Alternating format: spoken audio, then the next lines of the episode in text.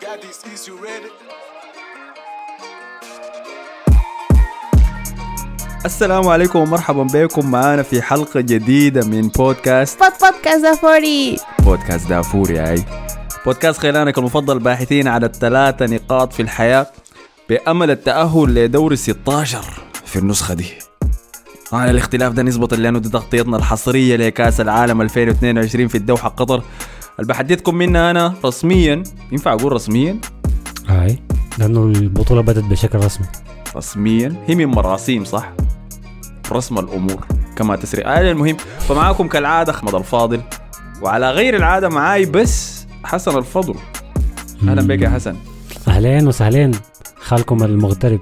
طبعا في غياب آه، خالكم اللي بتكرهوا. أيوه طبعا مصطفى حاضر معنا بالروح ولكن ليس بال... بالصوت نسبة لأنه قاعدين نسجل في وقت متأخر شديد. دي حلقات منتصف الليل مع بعض منتصف الليل إنتوا عارفينها كويس وعارفين بيحصل فيها شنو فإذا حصلت خارجيات تفضل بيننا وبينكم بس أنا الحياة دي ما تطلع من هاي مصطفى في الحلقة دي هيكون مستمع زيكم يعني ما هيكون مشارك طيب. فنشوف نبدأ معكم تغطيتنا بتاعت كأس العالم 2022 أخيرا نقدر نلقى فرقة كده نقعد فيها يا حسن لأنه الموضوع جاي شديد والله. والله ضغط يا مان ضغط ما طبيعي. البطولة دي إيه، كل يوم مباراة كل يوم فعاليات كل يوم ما أنا نسيت إنه كأس العالم كل يوم بيكون في مباريات. هاي. كل يوم. وما مباراة واحدة مباريات ثلاثة مباريات في اليوم. فالشغلة جاية وغير ده إنك تكون قاعد في البلد المستضيف كأس العالم. انت احساسك كيف يا أحمد السريع؟ يعني بعد ما البطولة بدأت أخيرا بعد التجهيزات والتحضيرات الكثيرة دي بس أنت حاليا زي ما بقول في خضم الجوطة دي. يعني. والله يا أخي آخر حلقة سجلناها في بودكاست دافوري. أسمع بودكاست دافوري على ساوند كلاود shout out باولا يلا أيوه نفس الإحساس اللي أنتوا حاسين بيه. ده لما سمعتوا صوت غريب بيتكلم عن بودكاست دافوري بالإسباني ده اللي حاسس بيه وأنا حاليا في قطر يعني. لأنه فجأة فتحت البوابات وجات ناس من كل الجنسيات داخلة في وقت واحد. وأصله ما حصلت اتفاعلت أنا مع الجنسيات دي في في بلد عربي يعني في بلد خليجي فهمتني. تحديد بتكلم عن المكسيكيين لأنه لسبب ما يا حسن جو كميه ضخمة من المكسيكيين لقطر كميه ضخمة اشمعنى يعني؟ ما أعرف 80% حسي من سكان قطر مكسيكيين بس والناس ديل عجيبين يا man يعني هم ما زي ال- السايح الأوروبي اللي بيجي وبيمشي حتة لا ديل قاعدين في أي حتة في أي مكان any time في يا man مكسيكيين أنا قبل كنت في الصناعية لقيت مكسيكيين شغالين هناك. جايين يشيلوا شغلك يا man خلاص. يا مان مشيت معيزر لقيت مكسيكيين يا man أنا ما أعرف في شنو. في شنو يا أخي؟ وصعبين والله صعبين بيندمجوا في أي حاجة بيتونسوا في أي شيء. تمشي تلقاهم يا man قاعدين ياكلوا شاورما. تمشي حتة تانية تلقاهم بياكلوا. عارف رقاق والحاجات دي. حتى الأكلات القطريه دي بيعملوها. عجيبين والله صعبين. هو يشربوا كرك يا أخي. اي لكن ال- البلد طبعا عامرة بكل الفعاليات كل الجنسيات. كل يوم تركب المترو بتشوف جنسيات مختلفة حسب المباراة الشغالة. اليوم ذاك لقيت واحد مكسيكي في الفانزون مشيت الفانزون الكبير اللي عاملينها في البداية. دي أكبر أكبر تجمع يعني وفيه حفلات والمباريات بتتعرض هناك والحاجات دي. فلقيته تونست معه شوية كده بالإسبانية بتاعتي قاعد أسخن فيها. قمت قلت له يا أخي أنا داير أشتري sombrero هو لابس الطاقية الإسبانية الكبيرة. قلت له داير أشتري زي حقتك اللابسة دي. قام قال لي والله يا أخي ما مستحيل تلقى دي أنا جايبة معي من هناك. قام صاحبه قال له لكن يا أخي أنت عارف الطريقة الوحيده ممكن تجيب بيها sombrero تديني جاكيت زي جاكيتك ده يا man. فالعباس زي يقول لي شنو؟ بادني يعني اديني جاكيتك أنا بديك ال sombrero ده. رجعك يا man أيام الجاهلية تبع المنافع. يديك برتقال تشيل منه أيام أيام الهنود الحمر فهمتني ادينا من بضاعتك وادي من بضاعتي دي هي الأوضاع حاليا لكن رائعة جدا الأجواء في كل مكان. خارجيات أنت شايف الفيديوهات الحايمة؟ هي هي دي دي أحلى حاجة في كأس العالم لل... كأس العالم السنة دي مع يعني السو- السوشيال ميديا والقمة بتاعتها. ففيديوهات كثيره شديد. وبتعكس لك جانب حلو شديد يعني لأنه عفوية بتصور الجماهير أكتر ما حاجة مرتبة ولا منسق لها فمدخل الناس معاه في الجو والفيديوهات منتشرة في كل مكان يعني لكل الناس. من أبسط الحاجة للزول بتاع المترو ذاك. حسي أنا كنت داير أحكي لك قصته أجم- أجمل قصة طالعة من الموضوع ده كله. آه. انتشر في كل حتة هسه الزول بتاع المترو. كمية من عمال المترو طبعا هم يبدو إنهم عمال في شركات ال safety. آه، فمقعدينهم في مناطق مختلفة بس عشان يوروا المشجعين المترو بياتوا اتجاههم. ممسكين ميكروفون. الميكروفون فيه تسجيل مسبق. مثلا بيقول لك metro this way metro this way عشان يوروا الناس. فالشغلانيه مملة جدا طبعا. وكريهة جدا. ده الشيء الشديد في المشجعين المختلف الجنسيات. ومشجعين كرة القدم الخفيفين فهمتني ده الم السياح. دي دي أهم نقطة عين. دي أهم نقطة في في كأس العالم ده. إنه ال ال الناس الجايين من بلدان مختلفة ديل ما سياح اثرياء جايين يمشوا يقعدوا في hotels الشيراتون والهيلتون وبتاع. لا لا دي الناس من عامة الشعب كده. آه. كده لما أقول لك المكسيكيين حايمين في المنطقة الصناعية ده الشديد في الموضوع. فعندهم زي روح بهجة كده بنقولها ليه؟ لأنه الناس اللي من طبقات البرجوازية ديل ما بيتعاملوا مع عمال المترو. ما بيركبوا مترو أساسا يعني هتلاقيهم اي بالضبط يعني بيكون عنده رولز رويس توديه مكان تاني. فديل بيتعاملوا مع كل الناس فبتلقاهم بيتهزروا مع بتاع ال security تلقاه بيتهز- بيهزر مع عامل النظافة بتلقاه بيتهزر مع فاجمل شيء. فقصة عامل المترو دي شديدة خلاص. شالوا الغنية يعني هو كان بس بيقول metro this way metro this way الناس بقت تسمعها وتغنيها يلا وهم ماشيين في صف المترو. قاموا شالوها بقوا بغنوها في الاستاد يا يا. حسن. ففي المباراة شغال الناس بتغني metro this way metro this way ده غير اليابانيين اللي بيتكلموا سعودي. يعني امبارح أنا كنت راجع من ال fan zone لقيت وياباني بيكورك لسعودي يقول له ميسي وينه؟ لا حول ولا قوة إلا بالله. ياباني بيكورك لسعودي بيقول له احلام عصر احلام. عصر أي احلام عصر بس بالضبط احلام عصر فدي كانت مقدمة طويلة بس عشان أوريكم الأجواء والحاصل فيها. حاليا إحنا بنسجل بعد مباراة البرازيل وصربيا مباشرة. فصديق البرنامج وعضو دافوري ياسين يتكرم هو مش حضر المباراة دي فغطاه لنا في الانستغرام بتاع دافوري. فإذا تمشي تشوف الحصل شنو وراء الكواليس هو صور جيلبرتو سيلفا طبعا أسطورة أرسنال والبرازيل كان في الاستاد قاعد يتكلم مع ناس صوروا صور كمية حاجات كده بيورا امشي أشوفها في account دافوري بتاع الإنستغرام. ده التذكير الأخير ها قبل ما أنا أمشي أستلم الأمور يوم السبت. أنتوا عارفين هيحصل شنو يوم السبت؟ أنا ما في داعي أذكر. الأرجنتين والمكسيك ها المكسيكيين أصحابك اللي في الصناعية هتلاقيهم جوا يا الملعب بالضبط هاي. طيب خلينا نبدأ يلا خلينا نبدأ. نخش بكل واحدة من مجموعات. طبعا في ثمانية مجموعات كل مجموعة لعبت فيها مباراتين. فحنمر سريع كده على كل مباراة. الفاز فيها منو؟ جاب ثلاثة نقاط جاب تعادل الخزر. وبعد ذاك حنراجع توقعاتنا. يعني إحنا كان كل واحد مننا قال إنه في ناس حتأدي كعب. تذكرتوني؟ ما قصرتوا معي كمية رسائل. يا مان رونالدو سجل يا مان رونالدو سجل. زيت زيت طيب خلينا نبدأ من المباراة الأولى. اللي مع إنها كانت أربع أيام. أحس بمنظورنا كأنه مرت شهور. آي. الان نتكلم عن المجموعه ألف مجموعة الدولة المستضيفة قطر. وخلينا نبدأ من الافتتاح ذاته افتتاح كأس العالم يا حسن. ال- الافتتاح كان كان ظريف كان ظريف شديد. آه، فيه حاجات مختلفة وفيه اللمسة العربية واللمسة الإسلامية يعني. فدي أدت نكهة حلوة شديد ل...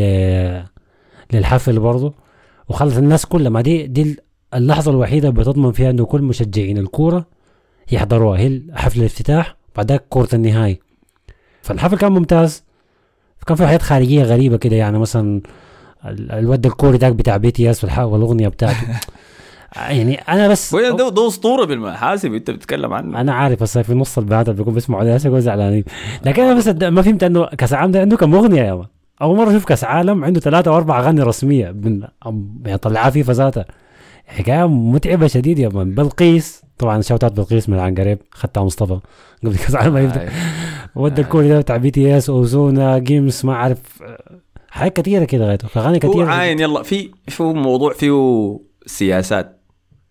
يعني من اللي فهمته أنا إنه في أغاني تابعة للدولة المستضيفة. الدولة المستضيفة هي اللي بتتفق مع فنانين بتطلع أغنيتها. بجهه بالجهه الثانية الفيفا بتعمل أغانيها براها. ففي زي أغنية مريم فارس دي تابعة للفيفا ما تابعة للدوله المستضيفة اللي هي قطر ففي كل حاجة يعني لاحظ مثلا الفيديو كليب بتاع مريم فارس ده ما بيظهر فيه علم قطر امم كويس؟ لكن أغانيهم تاني هيا هيا وديل بيظهر فيها. فأي واحد عنده حاجاته براه وبيستخدمها بالجهة الدائره والانفصال ده في التنظيم يعني واضح شديد في قطر في حاجات الدولة عندها علاقة بها في حاجات لفيفا بس. يعني الناس ديل كيزان فيفا ديل صعبين آه الحكاية دي لا لا جاتا شديد يا man. لكن الافتتاح كان مهم إنه قطر هتلعب فيه أول مباراة لها في كأس العالم وضد الإكوادور. في حضور برضه يعني الشخصيات كبيرة شديد. وده يمكن خلت ال... انت طبعا أنت ما حضرت الافتتاح في الملعب. لا لا أنا ما حضرت الافتتاح ذاته. أنا كان اليوم ذاك عندي تدريب. لكن أنا ما زول أنا ما زول افتتاحات. ما آه. عشان ما شغل. أنا ما بحضر افتتاح الأولمبياد و... الحياة دي ما ما عندي اهتمام بها حقيقة. والله ظريفة يا مان. لأنه بتلاقي جماهير من كل البلدان ومالين الملعب ودي اللحظة الأولى يعني والألعاب النارية والحاجات دي. فما حاجة بطالة شفت أنا يعني. شفت الكليبات أنا شفت ال- الكليبات يعني. لكن ما بجي مثلا أقول لازم أحضر الافتتاح بتاع النهائي أيوه. طيب آه، بس كل سمعت كلام الناس كله إنه كان ممتاز واستمتعوا. شفت اللقطة بتاعت ال- والد الأمير وهو أيوة. صغير. هاي دي كانت لقطة مؤثرة. فكان كان جميل جدا يعني. الما آه. جميل هو العقبه الردم اللي حصل بالكورة. آه منتخب قطر اتذكر لو أنا كنت في ال- طبعا منتخب قطر لعب ضد الإكوادور في مباراة افتتاحية وخسر بهدفين مقابل لا شيء. تتذكر أنا قلت في الحلقة بتاعت المجموعة الأولى استعدادا لكأس العالم إنه قطر بتجهز في نفسها إنها تستضيف كأس العالم وبتجهز في منتخبها برضه إنه يلعب كأس العالم. مم. فتجهيز 12 سنة. إذا ده المنتخب يعني فدي حاجة تعبانة شديد يعني. ما وين المنتخب اللي جاب كأس آسيا 2019 وين المنتخب اللي كان بيلعب مباراة ودية كويسة؟ وين المنتخب اللي كان آه جاي كله من نادي السد اللي كان جايبه تشافي وما عاد بيلعبوا مع كازور بعض الجماعه دي خوافين شديد يعني كانوا كانوا مرعوبين من من من لعيبة آه الإكوادور. في حاجة ما توقعتها. باين إنه كانوا مش ما عندهم مهارة لكن كان شخصيتهم ضعيفة شديد في الكورة دي. ما أعرف خايفين من الجماعة اللي قاعدين فوق في المنصة الرئيسية ولا الضغط ده أكتر منهم. في حاجة كده غايته. لعبت في نفسياتهم يعني. كانت باينة. هاي. أنا زيك. أنا تفاجأت يعني بالمستوى اللي شفته. وأنا توقعت إنه ولا تمنيت إنه قطر تتأهل لدوري 16 لكن كنت ساذج في توقعي ده. ما ما قعد قصدي إنهم خذلوني ولا إنهم سيئين ولا حاجة زي دي.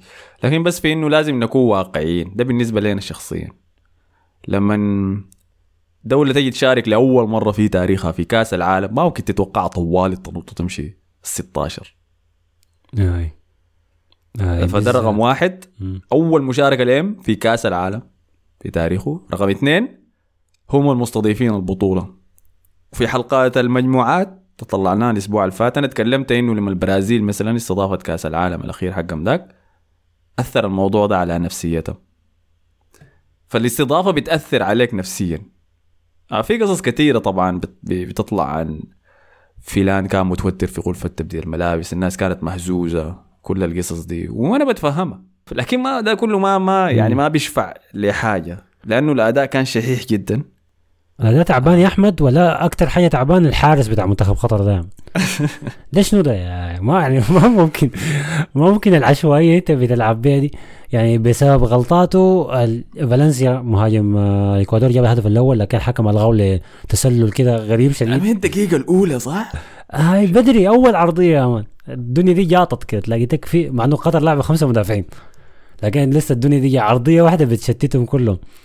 فالحارس ده مرق ضرب راس مدافع قطر وضرب واحد تاني معاه وقعهم كلهم مان فما أعرف أنت شفته لما كان لما كان مقبل على جونه هو مقبل على جونه هو وناطي في الهواء بس بيهز يدينه. أظن ما- كان عارف أي شيء حاصل حوالينه شنو بس حافظ إنه أنا لازم أسوي كذا. الزول ده ولكن. توتر ده توتر شديد يعني. توتر آه، مبالغ. باين باين باين إنه كان متوتر ودي حاجة ما ما فيها نقاش يعني. لكن ما براو يعني معظم اللعيبة اللي كانوا متوترين في كلام إنه عفيف. آه، اللاعب رقم 11 مهاجم خطر برضه إنه كان في امال كبيرة عليه وبرضه ما ظهر كويس وأعتقد بدلوه في الكورة دي إذا أنا ما غلطان أو ممكن لا ما بدلوه بدل معز علي.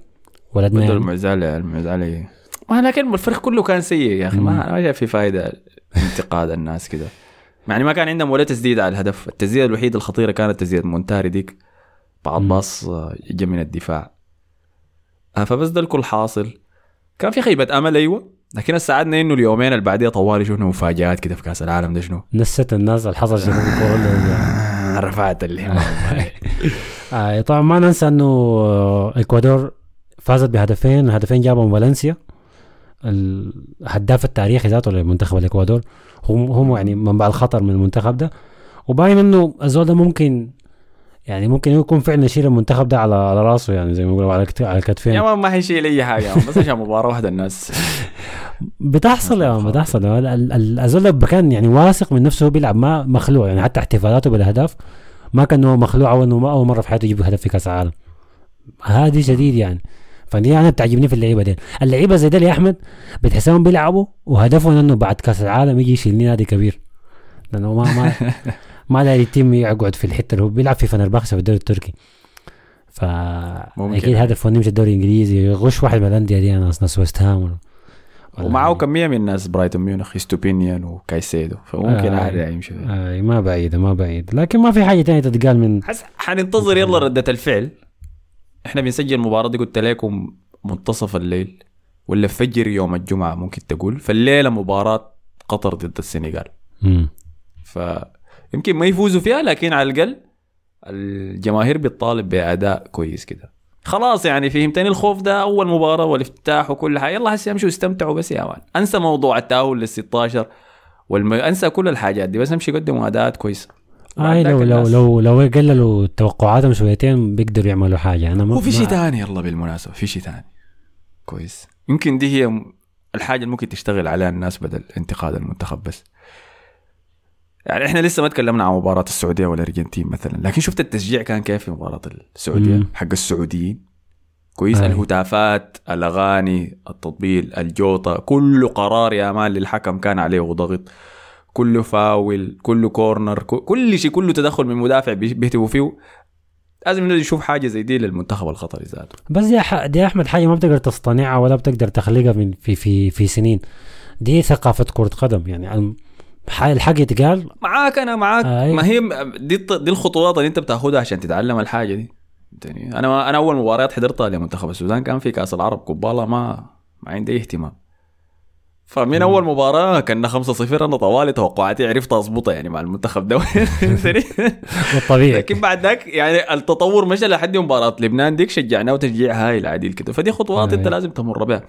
أنت ما حتشجع منتخبك وتقيف معاه الا لما تشوف تأثير وقوفك معاه ده؟ ينعكس على المنتخب ذاته. بالظبط يعني عشان كده بقول لك خسران ما خسران تعرف تعرف يعني شو تشجع وتقيف وراه. بالضبط. آه. فدي أهمية التشجيع الكويس حسي ضد السنغال. بالظبط فطيب ده كان طرف المجموعة دي. نمشي يلا للطرف الثاني اللي هي كان فوز هولندا 2-0 على السنغال. آه دي الكرة دي اتلعبت في اليوم اللي بعده. الكل اليوم الأول بس كان حفل الافتتاح وكرة قطر. مم. اليوم اللي بعده طوال اتلعبت الكورة دي مع كور تانية حقت المجموعة بقى هنجي لها بعد شوية.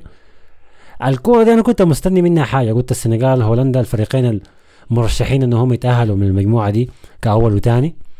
فكنت هيتنافسوا يعني يكون في قتال بين الاثنين ديل في في الكورة. لكن أنا شفت واحدة من أكعب المباريات يعني في كأس العالم ده لحد هسه كانت الكورة دي.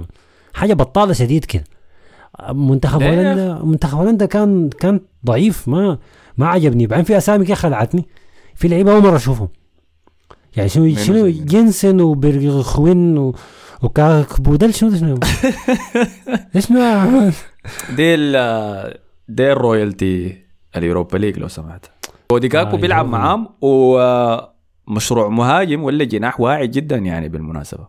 ارسنال بعين له والسيتي يونايتد حتى برشلونة فترة كان مرتبط به. فدي المواهب واعدة يعني من الجيل الهولندي ده. بس مباراة ما كانت بقدر التوقعات لهولندا. أنا شفتها مباراة كويسة شديد من السنغال ممتازة جدا. طبعا السنغال ناقصهم منه آه ساديو ماني طبعا. مم. اللي استدعوه بدون اي سبب بس high vibes يا man معنويات. وطلع الطاقم الطبي بتاع المنتخب وأكد إنه يا أخي الزول ده إصابته كعبة شديد ما حيقدر يلعب. آه. كأس العالم. بعد ما استدعيناه وما سمعنا كلام بايرن ميونخ. فايا كان الساحر اللي جابوه عشان يشوف الموضوع ده فشل. ما نفع فكان ناقص السنغال فعلا إنهم يسجلوا هدف في المباراة دي. المباراه كانت ضيقة لحد الدقائق الأخيرة في الشوط الثاني لما يرتكب لما يرتكب مندي خطأ كارثي. والله أنا زعلت زعل يا أخي لأني اليوم ده كنت في الفانزون قاعد أحضر في المباراة دي. ولما وصلت ال- العشر دقائق الأخيرة من الشوط الثاني قلت يا أخي حتى التعادل كويس شديد للسنغال. وبعد ذاك من كورة ميتة يعني كانت عرضية. ديونج دي اللعيبة اللي كونيجا كودي ده كودي جاكبو اسمه. مرق ليها مندي يعني كورة ميتة شديد بس آه، مندي ما ظبط ال- القبضه بتاعته ليها ضربت راس جاكبو بورا وخشت جوا الجون وده الشيء اللي بكرهه شديد في مندي ده يا man يا أخي. الزحلقات دي. كيف أنت في غضون سنة واحدة بس تمشي من كونك أحسن حارس في العالم؟ لمن أسوأ الحراس في العالم حسي. كيف؟ دي دي بتحصل يا أحمد لما هو السؤال بيكون كده. هو كان وين قبل ما إحنا خديناه ضمن انه أحسن حراس في العالم؟ ال- ال- فورة اللبن اللي بتحصل فجأة دي لأي لاعب إنه من لا شيء يبقى حارس رقم واحد أو لاعب رقم واحد. فأنت تتوقع إنه بما وصل, وصل للقمة سريع كده من غير أي سبب ومقدمات معناها هي قاعد تاني سريع. ما منطقية يعني. هي كانت ما منطقية. فالناس خدت عينها عليه وخدت فوق, فوق توقعات. بعدين حراس المرمى حراس المرمى مشنو؟ بيظهروا أحيانا بكم تصدي ورا بعض كويس تفتكر إن الحارس ده كويس لكن ممكن ممكن تكون صدفت معاه. يعني هي تصديات بس. فهي قاعد سريع بغلطات زي دي ودي حصلت كثير يعني. أنا ما أنا ما مخلوع شديد من من من مندي أيوه وفي ناس طالبتنا إنه ندخله عنقريب لكن هو أصلا قاعد في العنقريب ما في عنقريب منفصل بين كأس العالم و... والدوريات. أيوة. أحمد العنقريب قاعد في الغرفة معاه جابه حق أيوه ما ما بنفصل الأولويات. أي. طيب فخطأ كان منه. أنا شايف كلوبالي لعب كويس شديد.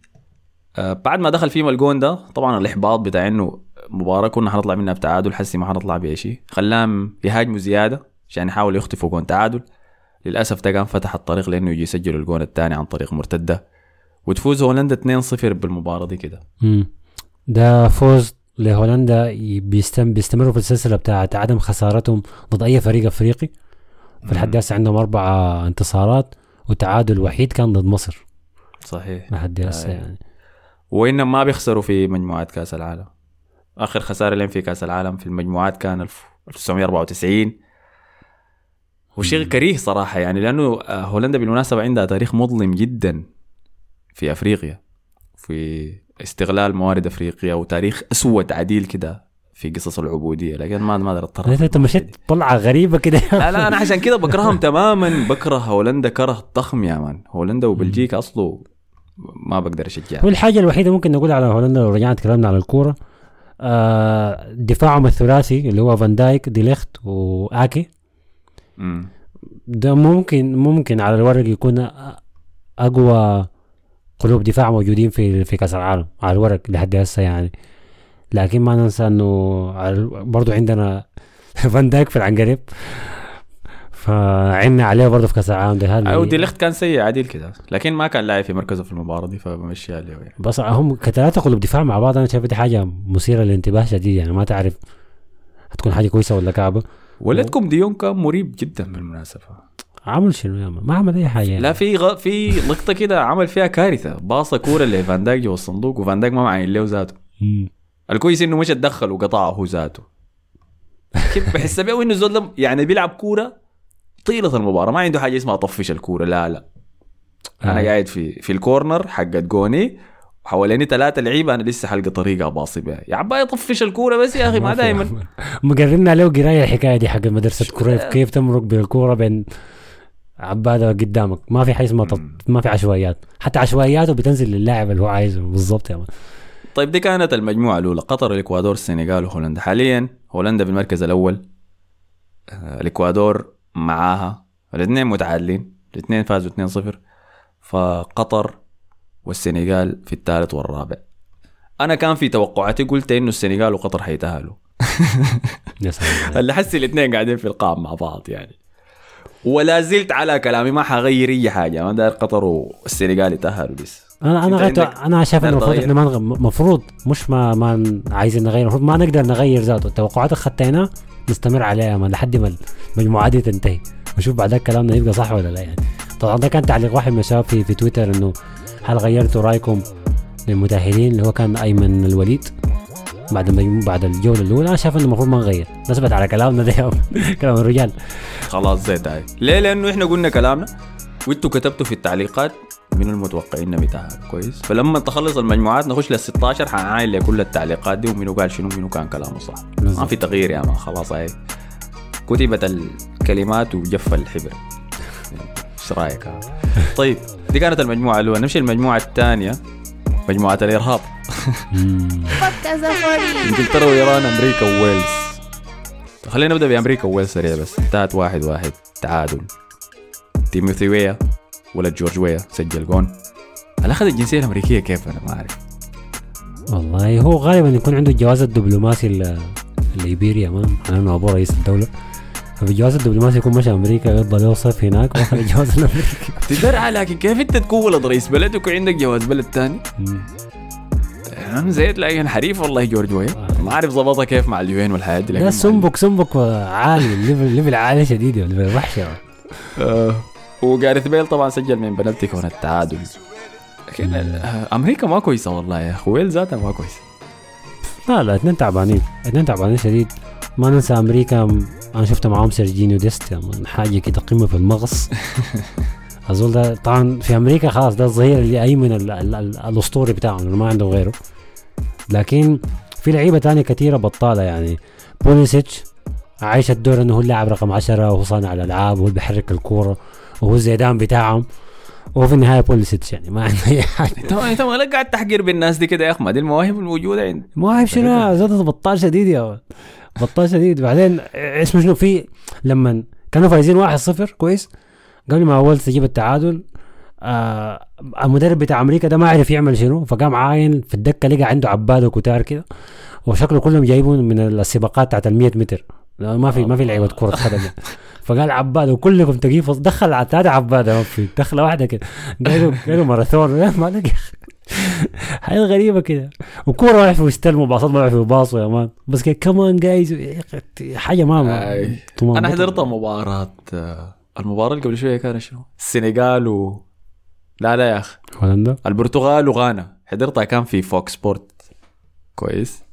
اللي هي أمريكية. فعندما ال Thanksgiving كانوا قاعدين يحتفلوا بها. فجزء من الاستوديو التحليلي بتاعه كانوا جايبين ديك رومي كده كبير. طابخينه خاطينه قام واحد قلع كراعه بياكل فيها وهو بيقدم في ال- في الفقرة. استوديو التحليلي بين الشوط لا حول. والله تلفزيونكم صعب أنتوا يا أخي. ده المعنى لعيبة أمريكا هسه يا أحمد بيكون بياكلوا كبسة يعني اللي هي أكثر حاجة تشبه ديك الرومي في احدى. مطاعم قطر يا جايين للكبسة بعد شوية. آه فدي مباراة أمريكا وويلز. أنا لا زلت على كلام يعني شايف أمريكا وإنجلترا هم اللي حيتاهلوا ويلز دي العجايز يا مان شديد. آه طيب نمشي للجهة الثانية لإنجلترا اللي فازت 6 2 على إيران يا أخي. ده الارهاب ذاته. ده الحرب ذاته إحنا بنتكلم عليه. آه مدرب إيران كان اسمه منو؟ آه كيروش. كيروش. آه طبعا كيروش متعرض لضغط كبير في كل مؤتمر صحفي للفريق. كان قبل المباراة بعد المباراة كان مشي يتمشى كان حايم في سوق واقف بيلاقوا صحفيين بيسألوا عن الأزمة الحالية في إيران والمظاهرات الشغالة. آه، في حقوق المرأة دي. فبيقول له أنتوا بلدكم بيضطهد النسوان وكل ال- الحاجات الحاصلة دي والانتهاكات الإسلامية و و- قال لهم يا عباد أنا ما إيراني يا أخي. دي حاجة رقم واحد هاي. ما دي بالكم أنا ما إيراني يا جماعة يا أخي رقم واحد هاي. ورقم اثنين طبعا هو أشد شيء إنه إحنا جايين نلعب كورة هنا يعني. وقفوا إنكم تحاولوا تلزوا الأجندات السياسية دي على اللاعبين. آي. الحكاية دي ما هتخلص يا أحمد. الأجندات ده ما هيخلص سواء في الكلام عن كرة إيران دي ولا الكرة بتاعت المنتخبات الأوروبية الثانية دي. الحاجة الوحيدة المغطية على موضوع الأجندة اللي بيلزوها الغرب ده والاوروبيين هنا أنا شايفها مثلا الحاجة الوحيدة اللي بتغطي عليها الفعاليات اللي بتحصل في كأس العالم. المقاطع المضحكة آه، ردات فعل الجماهير حركات المشجعين.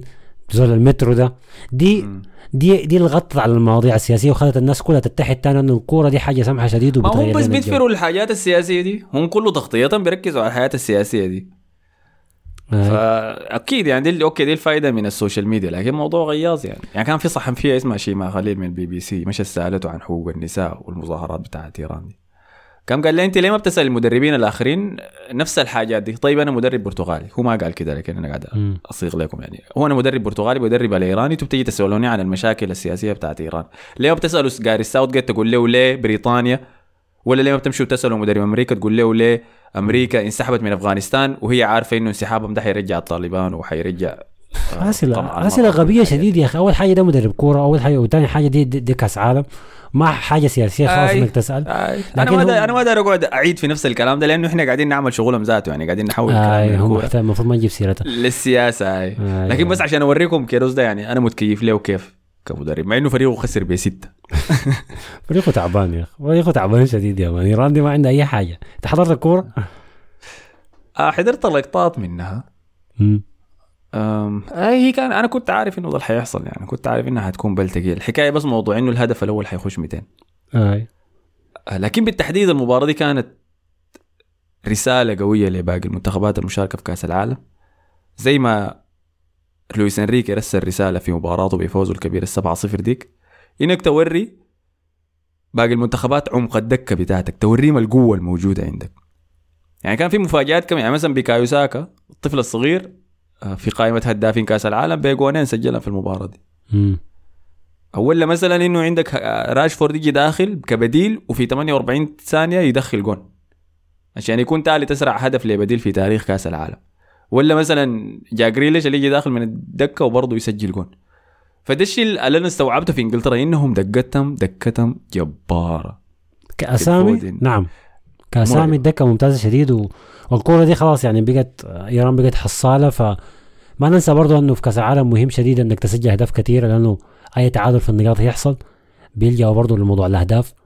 ف عشان كده المدربين ما بيهدوا اللعب بعد ما يكونوا فايزين 1-0 و2-0 بيحاولوا يدخلوا أحسن لعيبة تانيين وعندهم لسه طاقة ونشاط يجيبوا أهداف. فدي حاجة كويسة. لكن الفرق الخسرانة زي دي هي بتفتح لك الملعب زيادة يعني وبيطلعوا من طور المباراة وبتدخلوا في شكل و... وجوطه وحياه زي دي الايرانيين أساسا لعيبة بكايين شديد يعني. ففوز كويس لإنجلترا. آه دكتهم كويسة في أسامي كويسة لكن دي مشكلة النتائج الكبيرة يعني. بعدين هنيجي نتكلم عن إسبانيا نفس الموضوع. النتائج الكبيرة زي دي بتغشك يعني. ما تعرف هل دي الفريق ده فعلا قوي ولا دي بس آه، ظروف مباراة معينة خلتك تفوز بنتيجة كبيرة زي دي؟ يعني طوال رجعنا تاني للكلام هل المنتخب ده مرشح إنه ياخذ كأس العالم بعد الفوز ده؟ أنت شايفهم مرشحين ولا ما شايف مرشحين؟ لا أنا ما شايفه مرشحين. هو منتخب كويس لكن لكن الفوز ده أنا أنا أنا أنا نوع من الناس اللي بي- بي- بيؤمن بالجانب النفسي بتاع الكورة شغل بتاع مورينيو ده يعني. الجانب النفسي بيأثر. لما لعيبة زي دي اللي هم أساسا منفوخين وشايفين نفسهم وكمان يفوزوا ستة في أول كورة لهم في كأس العالم هسه هم قاعدين نفسهم أحسن لعيبة في العالم. هيتردموا بعدك في كوره كده هيجوا يتردموا ردم تقيل وهتلاقيهم مخلوعين. إحنا نتغلب كيف يا أخي؟ إحنا ما أحسن ناس. فالفوز ده هيضرهم نفسيا أكثر ما ينفعهم ده أنا ده توقعي يعني. اي آه طيب. أنا okay متفق معاك لكن أنا شايف إنه جاريث ساوثجيت ده أصلا مدرب متحفظ. يعني لما لعب بأربع مدافعين في المباراة دي أنا استغربت ذاته. آه، لكن يبدو إنه مفتاح إنه يلعب بثلاثة لعيب في خط الدفاع. مفتاحها كايل ووكر. فلما كايل ووكر ما يكون موجود بيلعب بأربع مدافعين. فعلى الأقل في رعته إنه لعب بأداء هجومي كمية من الأهداف. آه، جود جود بيلينغهام. يا. أخي ممتاز. ممتاز. شديد. شديد شديد. شديد الزول ده آه. كويس. آه، هاري كين كان كويس شديد. وإن كان خوف إنه تعرض لإصابة؟ لكن الليلة طلعت الأخبار إنه رجع للتدريبات عادي في المباراة دي. صنع هدفين ب 18 لمسة بس في المباراة دي. برضو من ال- الأرقام الجديدة في كأس العالم. فديل كانوا إنجلترا. تمام. حاليا هم متصدرين المجموعة. المركز الثاني مشترك وثالث مشترك يعني أمريكا وويلز. وبعد ذاك في قاع المجموعة إيران. أنا لا زال على كلامي إنه إنجلترا وأمريكا حيتأهلوا. انت كنت قلت شنو؟ انجلترا وويلز؟ والله ما أنا نسيت توقعاتي آه، لما نخلص هاي بنجي نراجع كل الحاجات دي. طيب. نمشي المجموعة الثالثة. آه، مجموعة الغنماية أنا مسجل أوه حسي دي خلينا نبدأ. طيب هذه المباراة كنت منتظرة ذاتها يا man مباراة الكبسة. لما منتخب السعودية ومشى وطبخ الماعز يا يا حسن. أنا مسميها هنا في ملاحظة الحلقة شايف ديربي حسن يا man دي الأجندة بتاعتك أنت زعلان من مراسلي بي بي سي والاجنده بتاعتك أنا أنت متذكر أنا رسلت لك صباح المباراة أنا رسلت لك قلت لك أنا حسن متوتر الليلة أنت صح؟ أنت. قمت مشيتني قلت لي يا man متوتر شنو؟ قلت لك أنا عارفك يا man أنت ما عارف تشجع منو الليلة الأرجنتين ولا السعودية صح؟ انت قلت لي لا لا man امشي يا أخي الحكاية دي. أكيد الأرجنتين حتفوز صح ما صح؟ أنا أول حاجة تشجيعي كان واضح شديد للأرجنتين. ما عندي ميول للسعودية كمنتخب خالص ولا كان عندي. أنا هعيدك أنت قلبك بيقول كده. قلبي ومخي الاثنين الحكاية دي واضحة شديد. ما أنت مخك بيقول إنه الأرجنتين حيفوز لكن قلبك بيجوا بيقول السعودية. لا لا لا. خالص خالص. ما ما عشان كده أنا تردمت ردم ما تقيل يا مان بعد الكورة لما الأرجنتين والحصل ذاته يعني. لأنه أنا كنت بشجع في الأرجنتين. والعالم كله العالم كله بيشجع في السعودية. يا مان السعودي وما السعودي كله بيشجع في السعودية. وأنا الوحيد بشجع الارجنتين ف لكن طبعا أنا أقول لك طيب خليني أديك طيب ده اعتراف كده قوي. أنا ما بحب عبيد ميسي خليني أكون بالتحديد. أنا ما بحب المطبلين ال- الاكثر عن اللازم لميسي ديل. ف وميسي عنده عادة إنه لما يكون الضغط ثقيل عليه بيختفي. تمام. أنا ما بنكر إنه ميسي من أحسن لعيبة كرة القدم في التاريخ وكل الكلام ده. أنا معترف بمهارته وكل الحياة دي لكن بكره مشجعينه. فعشان المباراة دي كنت 50 50 يعني ولا فارق معايا السعودية تفوز ولا فارق معايا الأرجنتين تفوز. لحد جا اليوم اللي قبلي المباراة دي يا حسن. تمام؟ وتدفق الأرجنتينيين إلى الدوحة. واليوم القباله أنا مشيت الفانزون. فكنت قاعد ألاقي كميه من الأرجنتينيين لابسين الفانيله فبتونس مع ده بتونس مع ده بهزر معاهم في موضوع مباراة السعودية. وكان في غرور ضخم جدا. يا حسن. يعني أنا كنت بقول لها هم متوترين المباراه بكرة دي بيقول يا مان دي خمسة ستة. شفت كل الفيديوهات الشايفة المشجع الشديدة ديك؟ الله يعسل يا أخي. هل قاعد تقول حتكون مباراة تدريب لينا ولا آه. الثانية ديك الشبكته أصبر لي أصبر لي. في مقطع ثالث يا أحمد كان كان مشجع الأرجنتين والسعودية بيتعازم لا بيت- بي- بيتفاوضوا. فقول له هنغلبكم أربعة السعودية له خليها اثنين. طب خليها كم؟ قال له خلاص ثلاثة. بس ولا يهمك. يلا عين في ففي غرور لكن غرور شوية كده يعني محدود. بنكهة تواضع الغرور بتاع الأرجنتينيين ده ما كان فيه اي تواضع يا مان ديل كانوا بيقولوا أرقام خرافية. عدم احترام تام. مم. جايين كأنه شنو السعودية إن إحنا بس حنجي نمسح بهم الأرض وحنتخارج. دي دي ده السبب الرئيسي اللي خلى الأرجنتين تخسر الكورة دي. لما المشجعين يكون تفكيرهم كده معناه الفريق برضه تفكيره بنفس الطريقة دي حتى لو ما صرحوا بها بيكونوا خاشين جوا إنه إحنا من أقوى المنتخبات اللي خاشة البطولة دي. هنقابل واحدة من أضعف المنتخبات اللي في البطولة تاني أقل فريق بالترتيب بتاع الفيفا في في كأس العالم ده. كويس. أو فريق برضه سجله في كأس العالم. بي- بيتاهل كأس العالم لكن تاني ما بيعمل حاجة. ولسه خدتين بالهم ده دي السعودية اللي اتردمت من روسيا خمسة في الافتتاحيه بتاع كأس العالم اللي فات. فالحاجات دي كلها لعبة في نفسياتهم وخشوا باستهتار. ففي النهاية النتيجة طبعا اتعكست. الحاجة ال- الفرقت شديد مع السعودية في الكورة دي هي الشجاعة بتاعتهم صراحة.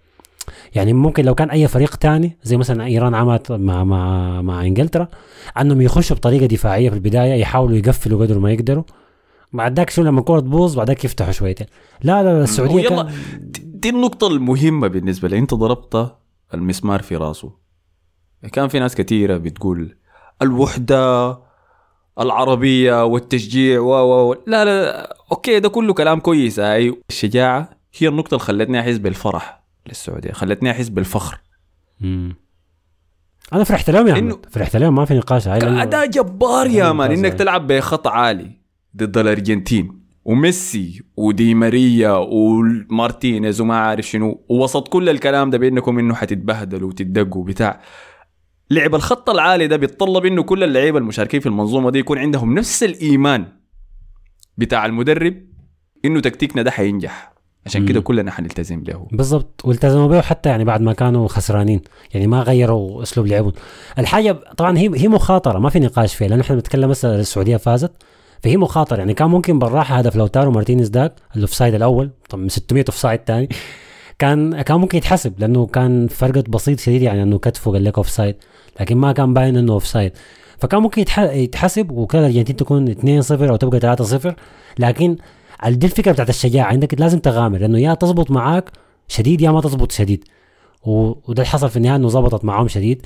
يعني حتى بعد الهدف حتى بعد الهدف التسلل جا الشوط الثاني داخلين بنفس الأسلوب آه بيهاجموا. يعني عين يعني لاحظ لاحظ قبل ما تمشي للشوط الثاني المباراة تبدأ.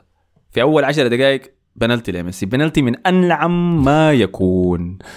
آه ده كان أنا شفت ظلم واضح يعني في في ال corner ات بنشوف تدخلات اسوء من دي بكثير آه. شفنا في مباراة إنجلترا وإيران دي كان في هاري ماجواير ده مردغوه داخل الصندوق مردغوه مم. ما فاضل إلا ينشلوه عديل كده ما حسبوا ما حسبوا أي حاجة. لأنه ذاك هاري ماجواير ما شفت كيف. ظلمه في عادي. دي كان من أنعم ما يكون. البليهي كان شد واحد من اللعيبة جوا الصندوق. حسبوا فاول عليه بنالتي. يجي ليونيل ميسي يسجل الجون. انت هنا مفروض مفروض كفريق مواجه أحسن لاعب في تاريخ كرة القدم راسك يقع وتخاف وتقول أول إنه عشر دقايق. ال- النتيجة حتبقى سيئه غير مخططنا الخطير ده اللي بيعتمد إنه إحنا ما نتلقى أهداف. تقوم تمشي وتواصل عليه وتوقع الأرجنتين في أول 32 دقيقة offside ست مرات يا حسن. نفس عدد ال offside اللي وقعوه في كأس العالم 2018 كلها. كل 2018 كأس العالم حقها وقعوا في ال offside ست مرات. 32 دقيقة بس ضد السعودية الأرجنتين وقعت فيها. سجلوا ثلاثة أهداف ما اتحسبوا كلهم اتحسبوا offside واحد لميسي اثنين لوتارو مارتينيز. ولا تسديدة واحدة للسعودية في الشوط الأول بس قاعدين يا man يلعبوا بتكتيكهم ده تدخلات قوية خط عالي offside بس. أي. زيت دي دخلت الأرجنتين في شكوك ذات أنا أعتقد بين الشوطين اللعيبة بتاع الأرجنتين ده شكوا في نفسهم يعني في حاجة غلط. شكوا في نفسهم ولا قالوا عاين سجلنا لحد هسه أربع أهداف واحد منهم من البلنتي ثلاثة offside معناه شنو؟ ما تخاف ما مشكلة نواصل نفس ال rhythm الشوط الثاني حنجي وحنفتح ال... أنا أنا أعتقد إنه شخصيتهم ثلاثهم كلاعيبه الارجنتين اهتزت شوية لأنه ش- في حاجة. بعدين عندهم الخوفه دي بتاعت كل كأس عالم إنه آه طب المرة دي هيحصل شنو؟ كلهم بيقعدوا يعانوا في ميسي ها هتجيب كأس عالم ولا لا؟ فبدوا يرتبكوا شويتين ودي اللي استغلها لعيبة السعودية يعني. أعتقد من شوطين مدرب السعودية غالبا عمل شغل كويس. طبعا المدرب ده جبار يعني على كلام ال... على على سيرته القديمة يعني وقبل تدريب السعودية أعتقد درب زامبيا وجاب معهم كأس أفريقيا. فعنده خبرة كويسة مع هيرفي ال- هيرفي رينارد اي كي اي جيمي لانستر. أيوه of لانستر. بيد مقطوع. آه عنده خبرة كويسة مع الفرق طلعوا الصغيرة. التوك التيم توك بتاعه اللي بين الشوطين شفته في قناة اليوتوب بتاعت شفته أيوه. هو بي هو بي بيكورك بال بال بالإنجليزي ولا ما أعرف بشنو والمترجم بتاعه برضه. بيكورك بالعربي. You have to play well. لازم تلعبوا كويس. والمترجم بيترجم على كيفه مرات. يلا يا عيال يلا والله نفوز والله قسم بالله نفوز. وده تلقاه. We have to win the duels guys والله نفوز يا شباب. يلا قولوا بسم الله. ما دام ظبطت معناها ترجمة صح يا ما فارقه بعد. خلاص يعني. لا مدرب ممتاز جدا جدا. لو لو خشينا في الشوط الثاني يا أحمد ال الهدف الأول جاء ممكن أقول لك الهدف الأول فيه نوع من العشوائية شويتين لكن ما فارق يعني. الكرة وصلت بطريقة ما للاعب ده اللي كسر شمال شويتين وشاته. ما يعني الطريقة اللي تلعب بها الهجمة ما هجمة نظيفة شديد لكن ده ما مهم. الفكرة المهم انه إنه شاطها صالح الشهري ده الجون الأول جون آه. التعادل. يلا دي دي الحاجة اللي بتحصل بعد ذاك في أي فريق بيتلقى هدف أو أي فريق بيسجل هدف لما لعبة شغل النفسيات تاني. أول خمسة دقائق بعد أي جون مهمة شديد. لو الفريق بيهتز نفسيا معناه يستقبل هدف تاني. ولو فريق سجل هدف مثلا شخصيته قوية شديد وبيلعب على شغل الحماس والدافع والجماهير والكوراك وحاجات زي دي معناه يسجل هدف تاني. كويس؟ فده حصل بالضبط مع السعودية. انه الأرجنتين شاكين في نفسهم شديد وبدأ الخوف بتاع إنه آه كأس عالم هيروح علينا وميسي يعتزل وما أعرف شنو. جات السعودية متحمسين شديد وجماهيرهم معاهم وخطتهم بدأت تنجح وقاموا جابوا هدف طوالي بعدها باربع دقائق أو خمسة دقائق هدف ممتاز شديد. فأنا شايف الهدف الثاني ده دو نفسيات أكثر من أي حاجة يعني معنويات أكثر من أي شيء. آه أنت بتتكلم عن جون. سالم الدوسري. نعم. آه اللي احتفلوا بعد ذاك بس أصبع الفي والدبلة بتاعته المفروض تكون كإهداء الهدف لزوجته طبعا. آه هدف من أروع ما يكون في نقطتين بس اللي هم لاعبين أنا داير اهبش عليهم في الجون ده. الأول هو أول دخول للاعب لأنه بالقيس دخلت العنقريب كأس العالم. أول دخول للاعب العنقريب عن طريق كأس العالم. لكن العنقريب هو واحد زي ما قلت لكم. أنا بتكلم عن إيميليانو مارتينيز حارس منتخب الأرجنتين. لا يا أخي ليه ليه بس؟ ليه لا أحمد؟ لأنه أنا أخذته تحت المجهر لي فتره طويلة في الدوري الإنجليزي مع أستون فيلا. أستون فيلا من بداية الموسم ده في فورمة من أسوأ ما يكون. اللي أدت بعد ذاك إلى إقالة ستيفن جيرارد وتعيين أوناي إيمري مكانه. في سلاسل الخسائر بتاعت أستون فيلا دي كنا قاعدين نشوف تذبذبات في الأداء كثيرة لكن أكثر مصدر قلق بالنسبة لي كان إيميليانو مارتينيز. قاعد يرتكب أخطاء كارثية الزول ده في كل مباراة. ممكن نتكلم عن مباراة تشيلسي ممكن نتكلم عن مباراة أرسنال نفسها يتلقى فيها أهداف ضدنا. ممكن نتكلم عن مباراة ممكن نتكلم عن عدد كبير من المباريات اللي خسروا فيها أستون فيلا وكان بسببه هو. فلما جات المباراة دي وكانوا لاعبين ضد السعودية وجا لقى إنه السعودية سددوا ثلاثة مرات بس ثلاثة تسديدات على المرمى. اثنين منه جو خش أهداف. أنا بركز عليه زياده وزيادة. وبالتحديد في الجون الأول بتاع السعودية ما الجون الثاني؟ لأنه الجون الثاني بتاع سلم الدوسري. كان من أروع ما يكون. لكن الجون بتاع الشهري ده أنا شايف كان المفروض يصدى له. لكن التعاقب بتاع الأخطاء والكوارث بتاعته دي هو اللي خلاني أدخله العنقريب والله يا أحمد دي أنا شايفها قاسية شوية لكن لأنه أنا أنا في دائما في رأسي لما تجيب سيرة إيمي مارتينيز أداؤه في الكوبا الفاتت. أنا بالنسبة لي إنه يعني بعد ميسي في الكوبا الفاتت هو كان شايل المنتخب. في تصدياته بتاعت البلنتيات وبعد ذاك في استفزازه لل... للعيبة بتاعت الخصم. اللعيبه الآخرين. صحيح أنا معاك. عاين فضل مباراتين. في كأس العالم ده صح؟ مم. أنا مستعد هنا اراهن لكم إنه الكوارث دي ما حتقيف وحتستمر في المباراتين الجايات دي. فده اللاعب الأول إيمي مارتينيز خدته بالجنب اللاعب أنا الثاني عندي لاعب تاني كان اشوفه هو نفسه اللي أنت هتخطه ولا لا؟ أنا بتكلم عن روميرو. أي معك معك مدافع على الأرجنتين. يخش العنقريب يا man ينط فيه وبعدين كده يخش. لماذا؟ لماذا؟ بطال يا أخ بطال بطال. ما ممكن. يعني هو المدافع ده مع توتنهام أساسا كان محل شك ما كان كويس. كويس؟ فانا توقعت هم هم بيحبوه شديد هم بيقارنوه بصليبا بالمناسبة. يا صليبا طلعه أها واصل. آه، فانا توقعت الكورة دي إنه يبدأ بمدافع مانشستر يونايتد مكان روميرو. صراحة يعني تمندي مارتينيز. آه ليساندرو مارتينيز. بحكم إنه بيلعب بكراع والحاجات دي كلها. لكن بدأ بروميرو. وأنت ماشي ما مشكلة. بدأ بروميرو.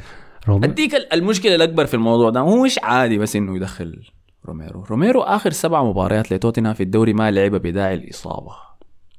بداعي الإصابة. بما فيها آخر مباراة بتاعتهم الأربعة ثلاثة الجو الجنونية واضطروا يلعبوها بسانشيز ال- الكولومبي السيء من أسوأ ما يكون ذاك. نسبة لأنه روميرو ما كان داير يلعب في المباراة دي عشان ما يخاطر إنه يصاب ويشارك في أول كأس عالم له في مسيرته. المشكلة إنه بعد كل واحدة من مباريات توتنهام دي روميرو كان بيظهر في التدريبات بتاعة توتنهام. فالناس كلها عارفة. أنطونيو كونتي عارف زملائه في الفريق عارفين الزول ده ما داري يلعب عشان كأس العالم. تقوم تجي أول مباراة لك في كأس العالم وتأدي بال... بالنتيجة دي. آه، أداء بطال بطال شديد لدرجة إنه المدرب لاحظ له بعد الدقيقة 59 قال له أمرك برا يا تخيل المدرب يمرق قلب دفاع بقلب قلب دفاع ثاني وهو خسران. ما كعب شديد للدرجة دي. هو كان عنده سجل كويس يعني كان عنده حكاية. 11 مباراة ما تلقى هدف الأرجنتين وهو موجود على أرضية الميدان. لكن المباراة دي ظهر لي مريب جدا يعني. بس أنا أنا ما حقول أدخله عن قريب. لسه أنت داير تدخله عن قريب؟ أنا ما ما, ما مقتنع بالزول ده. أنا أساسا لا لا أصبر أصبر أصبر شوية بس. أنا ما داير أحكم عليه بدري وأظلمه. لكن حركة إنك تسحب على مباريات عشان توفر نفسك لبطولة وبعد ذاك البطولة دي ذاتها تجي وتأدي فيها كعب أنا ما بتنفع معي ما بتنفع. فعلى العموم آه سوى تبديلاته دي ولكن لم تساعده سكالوني مدرب الأرجنتين لأنه انتهت آه النتيجة 2-1 لصالح السعودية بفوز من أروع ما يكون. أكبر من مفاجآت كأس العالم ده. يمكن أو أكبر مفاجأة لمنتخب عربي من سنوات طويلة جدا ما في نقاش. أكبر مفاجأة من أكبر المفاجات في تاريخ كأس العالم عموما أنا أنا شخصيا باخدها باخدها كمفاجأة رقم اثنين. يعني في تاريخ كأس العالم. ممكن رقم واحد تفوتها بس اللي هي السنغال وفرنسا في 2002 اللي هي فرنسا كفريق برضه فاز بالبطولة السابقة. والسنغال ما كان ما ما فريق ذاته يعني يذكر في كأس العالم. كان حج ضيوف والجماعة دي يعني كان في أسامي كانت ممتازة. وكيتا في, في الكاس دي. فدي كانت صدمة كبيرة. بالنسبة لي دي تاني صدمة رقم اثنين طوال يعني. طبعا بطل المباراة دي بالنسبة لي كان حارس المرمى محمد العويس.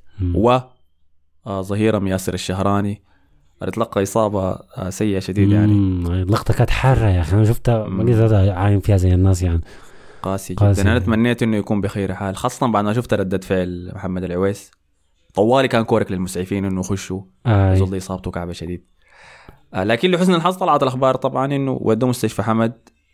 عالجوا كان عنده نزيف داخلي. مم. تعاملوا معاه طوالي. كان عنده كسر في الفك وكسر في في الجمجمة في مكان ما في عظام الوش. حول. فخلوا حالته تستقر. بعد ذاك سافر السعودية فحصوه هناك وبعد ذاك حسي يقال إنه تم تحويله لألمانيا عشان يتعالج هناك. فنتمنى له تعافي كويس يعني ويجي راجع آه، ويحصل البطوله دي كمان يشوف.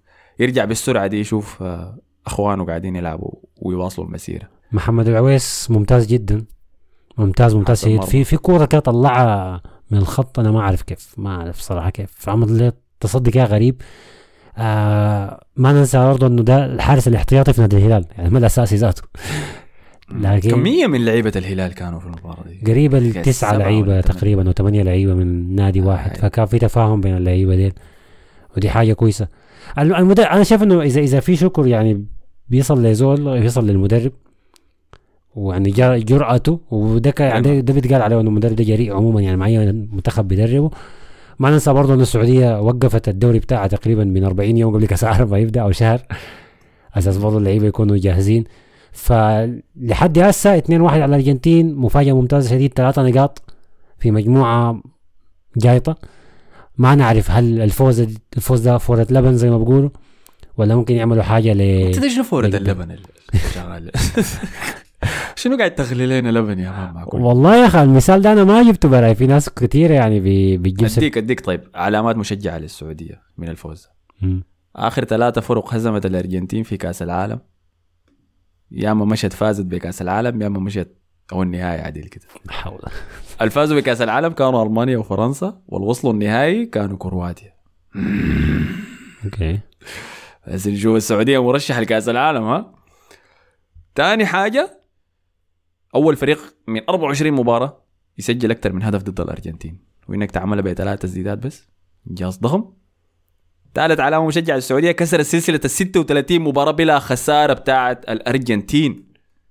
آي. كانوا معطينا بها كانوا داري يحطموا رقم إيطاليا. آي. ولكن السعودية كانت لهم بالمرصاد. ما هي ال- ال- الرقم ده دائما يا أحمد آه، بي- بيجلب الحظ السيء. لصاحبه. إيطاليا كان عندها الرقم ده وخسرته. في في مباراة بتاع تصفيات لكأس العالم واضطرت إنها بعدين تمشي الملحق وخسرت. فاتكسر الرقم وطلعوا من تصفيات كأس العالم. آه نفس الرقم برضو اتكسر عند منتخب الجزائر وبيسابوا طلعوا من كأس العالم من تصفيات كأس العالم. هسه اتكسر عند الأرجنتين في أول مباراة في كأس العالم برضو. فما أنا ما أنا ما بحب السلاسل للسبب ده ذاته. بتخلق توتر غير محبب يعني للمنتخبات اللي عندها. آه الناس بتحكي طبعا أنا كنت الوقت ذاك صغير. لكن بتحكي إنه لما ارسنال كان في سلسلة العدم الخسارة في الدوري ذاك توتره كان قاسي شديد لأنك تخاف من الخسارة. دي من أسوأ الحاجات اللي بيشيلها اللاعب معه وهو داخل المباراة لأنه بتمنعك تكون حر. عشان كده ما تكررت من وقتها. ما بحب ما بحبها ما بحبها. إنه يكون يقول لك دي المباراة 12 للفريق ده بدون خسارة. والناس تبدأ تستهدفك حسي عشان تحاول تكسر الرقم بتاعك ده. طيب علامات مقلقة للأرجنتين حسي. آه رقم واحد. آه دينا. ادينا أقول. رقم واحد آه عندهم لعيبة كبار في العمر زي فوق ال 34 سنة اللي هم ميسي أوتوماندي دي ماريا وبابو جوميز دي حاجة ما كويسة يعني. لكن أربع لاعبين فوق عمر 34 في التشكيلة الأساسية. ده آه العجائز يعني. هو أوتوماندي مثلا أوتوماندي ده مشكلة يعني. أنا ما شايف إنه المفروض أوتوماندي يلعب ذاته يعني في المنتخب ده. آه دي ماريا ما بطال ميسي ما بطال بابو جوميز كعب كعب شديد. أنا ما أعرف أساسا جابوا ليه معه. فدي مثلا علامة مقلقة شديد للأرجنتين. ورقم اثنين إنه ما عرف يتعامل مع الخط الدفاع العالي بتاع السعودية. آه. رقم ثلاثة العامل اللي أنت قلته النفسية.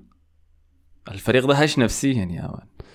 لأنه اتلقى الهدفين في بداية الشوط الثاني فكان عنده وقت أكثر من كافي إنه يحاول يرجع بالنتيجة وما قدر يسويها. فده الشيء المقلق إنه ما عنده حلول حلول بديلة. هو حنشوف إذا حي... إذا كان ده سبب التراخي لأنه دي أول مباراة ضد فريق سهل ولا في مشاكل يعني. نختم بنقطة الأرجنتين. من حسن حظهم بعد الخسارة الكعبة دي أنه المباراة الثانية انتهت بالتعادل. ودي أحسن حاجة ممكن تحصل لمنتخب الأرجنتين لأنه كده حظوظهم لسه ما زالت باقية. آه التعادل اللي حصل في الكرة الثانية هو بتاع بولندا والمكسيك صفر صفر. بيدي الأرجنتين أنه فرصة أنه ممكن ستيل يعني لو فازوا بالكرتين الجايات. ممكن عادي يتصدروا المجموعة كمان مش يتأهلوا بس آه، طبعا المباراة الثانية بولندا والمكسيك صفر صفر ما حصل فيها أي شيء صراحة آه، كان مباراة مملة جدا النقطة الحديث الكبيرة فيها يعني كانوا ليفاندوسكي ضيع بنالتي إحنا قلنا الحاجة دي بالحرف صح؟ مين انت بنقول قاعد؟ أنت قلتها ولا مصطفى اللي قاعد؟ اللي هي شنو؟ أنه ليفاندوسكي؟ ليفاندوسكي أي ما حيسجل أهداف ما حيسجل أهداف في المباريات الكبيرة. إحنا خلينا المباريات الكبيرة وما قلنا ضد الأرجنتين بس ليه؟ لأنه الضغط بتاع ظروف المباراة هو اللي بيأثر على ليفاندوسكي. فده اللي حصل. اوتشوا يا man أسطورة كأس العالم يا سلام يا اي كي اي بوفون؟ ابدا لا يخيب التوقعات. ده يجي كأس العالم زي يا man هنا ناروتو في في الأنمي. ما, ما بيخذلك ممتاز هاي يدخل آه التاريخ. فبس آه، عشان كده ده الكويس يعني للسعودية. ممكن السعودية والارجنتين الاثنين. يعني نشوف حيحصل شنو اللي قدام. آه طيب دي كانت المجموعة الثالثة مجموعة الغنماية. دي ال... خلينا نمشي المجموعه الرابعة. تمام. مجموعة حامل الكأس. أها. المجموعة الرابعة اللي فيها الفريق الفاز بالبطولة اللي فاتت اللي هو منتخب فرنسا. فنبدأ بالكرة دي. فرنسا ضد أستراليا. فرنسا فازت أربعة واحد. في طبعا بعد الصدمة اللي حصلت ل في كرة الأرجنتين. وك- الكرة دي حقت فرنسا كانت ملعوبة في نفس اليوم بالليل برضه فبعد ذاك ب- يلا بدأت النشوة بتاعت المنتخبات الصغيرة إنه كل منتخب عنده أمل إنه يعمل حاجة. فالأستراليين خشوا على الأمل ده. كويس. لكن آه، الفرنسيين سريع سريع قتلوا يعني أي فرصة لمنتخب أستراليا. تألق من جيرود هداف منتخب فرنسا التاريخي. معلومة غريبة شديد يعني. أنا ما قادر اصدقها لحد هسه دي آه غياب طبعا كريم أنا عشان كده. ما بقدر آخذ المنتخب ده بجديه منتخب هدافه التاريخي هو أوليفيه جيرود آه. ما دي ليه ليه الاستحقار والاستنقاص من من مسيرة أوليفيه جيرود يا أحمد الزول ده ما هين يعني ليه في انديه كبيره لا لأنه بسجل. أهداف ما مهمة بسجل أهداف ما مهمة ما معقول وقت الحزم وقت ال... انت داير وقت الحارة بيختفي يا man ما ما بيعمل. أنت بتتذكر معلو... حاجات حقت أرسنال دي الحاجة مزعلاك يا ولد. لكن الزول ده عمل أهداف مهمة مع ميلان جاب لهم الدوري السنة اللي فاتت. هدف ضد أتلتيكو مدريد مع تشيلسي وتوصلهم لدور الثمانية دور الأبطال. خلاص زيت أيوه أوكي. كان عنده برضه كان هداف ال Europa League لما غلبونا في نهائي آه. ال Europa League. تشيلسي ف okay ما بطل مشكلة. آه. آه أي تاني شنو؟ إمبابي سجل جون. رابيو سجل جون. لوكاس هرنانديز أصيب لاعب البايرن. تمزق في الرباط. كده موسم انتهى. وخرج آه برضه في عجائز في فريق منتخب فرنسا ده إحنا قلنا موضوع الأجيال لما اتكلمنا عن مجموعاتهم دي إنه الفريق الفايز بالنسخة اللي فاتت من كأس العالم بيجي النسخة اللي بعديها بنفس الجيل اللي فاز بكأس العالم فبيجوا العجائز مم. وبيطلعوا من دور مجموعات غالبا لكن لحد هسه فرنسا بان انه وضعها كويس. على الأقل في الكوره الأولى اللعيبة الكبار عمره 36 سنة. لوريس 35 سنة آه. إمبابي عنده كم جول لحد هسه في كأس العالم إمبابي عنده خمسة أهداف وده نفس عدد الأهداف اللي جابها زيدان في كأس العالم. لحد هسه يعني. شوف يعني 21 سنة عادل أرقام الأساطير. آه لكن يلا إمبابي هو اهدافه المؤثره أكثر فعلا مع منتخب فريقه. يعني آه جيرو كأس 23 سنة عمره 23 هسه آه جيرو في كأس العالم اللي فات 2018 ما جاب ولا جون. منتخبه جاب البطولة. لكن إمبابي كان عنده أهداف مؤثرة في الطريق داك. وهسه جاب هدف في الكورة دي يعني برأسية. يعني بيبان إنه ممكن هو يلعب دور المهاجم. إذا جيرو ما موجود ولا طبعا بنزيما خلاص ما ما لعب. نمسك بس على نقطة بنزيما دي سريع سريع آه طبعا بنزيما ما ما تم المونديال مع الأسف ما ما لعب ولا كورة ذاته جاته إصابة أثناء التدريبات. في كلام بيتقال إنه بنزيما كان عارف روحه مصاب وتحامل على إصابته وما كلم بيها زول ما كلم بيها دي ديشام وجا المنتخب عنادا يعني. وفي النهاية في أول تدريب طوالي بانت الإصابة بتاعته وساءت أكثر كمان يعني. ففي في نوع من الحساسية حاصلة حاليا في المعسكر إنه بنزيما بوظ عليهم يعني الجو. امم أي وأنا كنت ظلمته صراحة في آخر جولات في الدوري الإسباني لما كنت بقول إنه قاعد يوفر نفسه نفس حركة روميرو دي لكن الموضوع ده كشف إنه هو كان مصاب. كانت إصابة حقيقية. آه أيوه. آي. تحامل على نفسه عشان يلعب البطولة يعني. طبعا من منتخب أستراليا شفنا اللعيبة السودانيين دخلوا يا أخي. اي شفنا اسمه منو ذاك اوير مابيل مم. اي جارانج كول دخل شارك في المباراه توماس. دينج. جارانج كول دخل شارك من البنش. آه توماس دينج كان بيتذكر ما دخل لكن شفناهم يعني على الاقل آه لاعبين جنوب السودان في المباراة دي. آه اللي كان واحد منهم اعتقد أعتقد أوير مابيل كان كان ع- آه عايش في مخيم لاجئين وهو صغير. والله. آه بسبب الحرب قصة. حرب الجنوب والشمال في السودان فإنه يلعب في كأس عالم مع أستراليا فده انجاز قصة جميلة قصة جميلة جدا يعني يعني, يعني مدرب اشركم مدرب اشركم يعني بعد الكرة إنها كانت منتهية وما كان فيها شيء اشركم برضه بس من باب المشاركة وكانت حاجة كويسة يعني لقطة جميلة آه. المباراة الثانية في المجموعة دي كانت الدنمارك وتونس انتهى صفر صفر برضو مباراة ما بالقدر ذاك من الحماس يعني. بفريقين الاثنين ما غزيرين تهديفيا شديد. فما شفنا كده من طرف للتاني ولا شفنا تسديدات كثيرة يعني بس ال highlight كان مذكرة تصدي كاسبر شمايكل لتسديدة آه، عصام جبالي. مهاجم تونس اللي قدر يشيلها من الخط في نهاية الشوط الأول. وبس تقريبا تاني ما كان في حاجة. كان في شكوك ببلنتي في الدقائق الأخيرة ضد تونس. لكن ما ما اتحسبت وبس يعني ده اللي انتهى في المباراة. آي. هو التعادل ما فيه يعني ما ما ح ما ما نتيجة كويسة للدنمارك لكن ممكن نقول نتيجة كويسة لتونس. آه لأنه مرقوا بنقطه من الكوره دي. معناه بيحاولوا إنه لو قدروا مثلا يجيبوا نتيجة إيجابية ضد أستراليا يكون عندهم فرصة إنهم يتأهلوا للدور الثاني. بينما الدنمارك هي كانت آملة إن- كان املها إنه تفوز في الكوره دي. طبعا ما ننسى إنه الدنمارك هي المنتخب ال- اللي كان الحصان الأسود بتاع أمم أوروبا اللي فات. اليورو فات في 2000 2020 2021 آه باداء ممتاز شديد وحياة زي دي كلها لكن ما حصل شيء في الكورة دي لحد هسه يعني. ما لعبوا كويس. زولنا وصاحبنا وحبيبنا إريكسن كان لاعب كويس الحمد لله.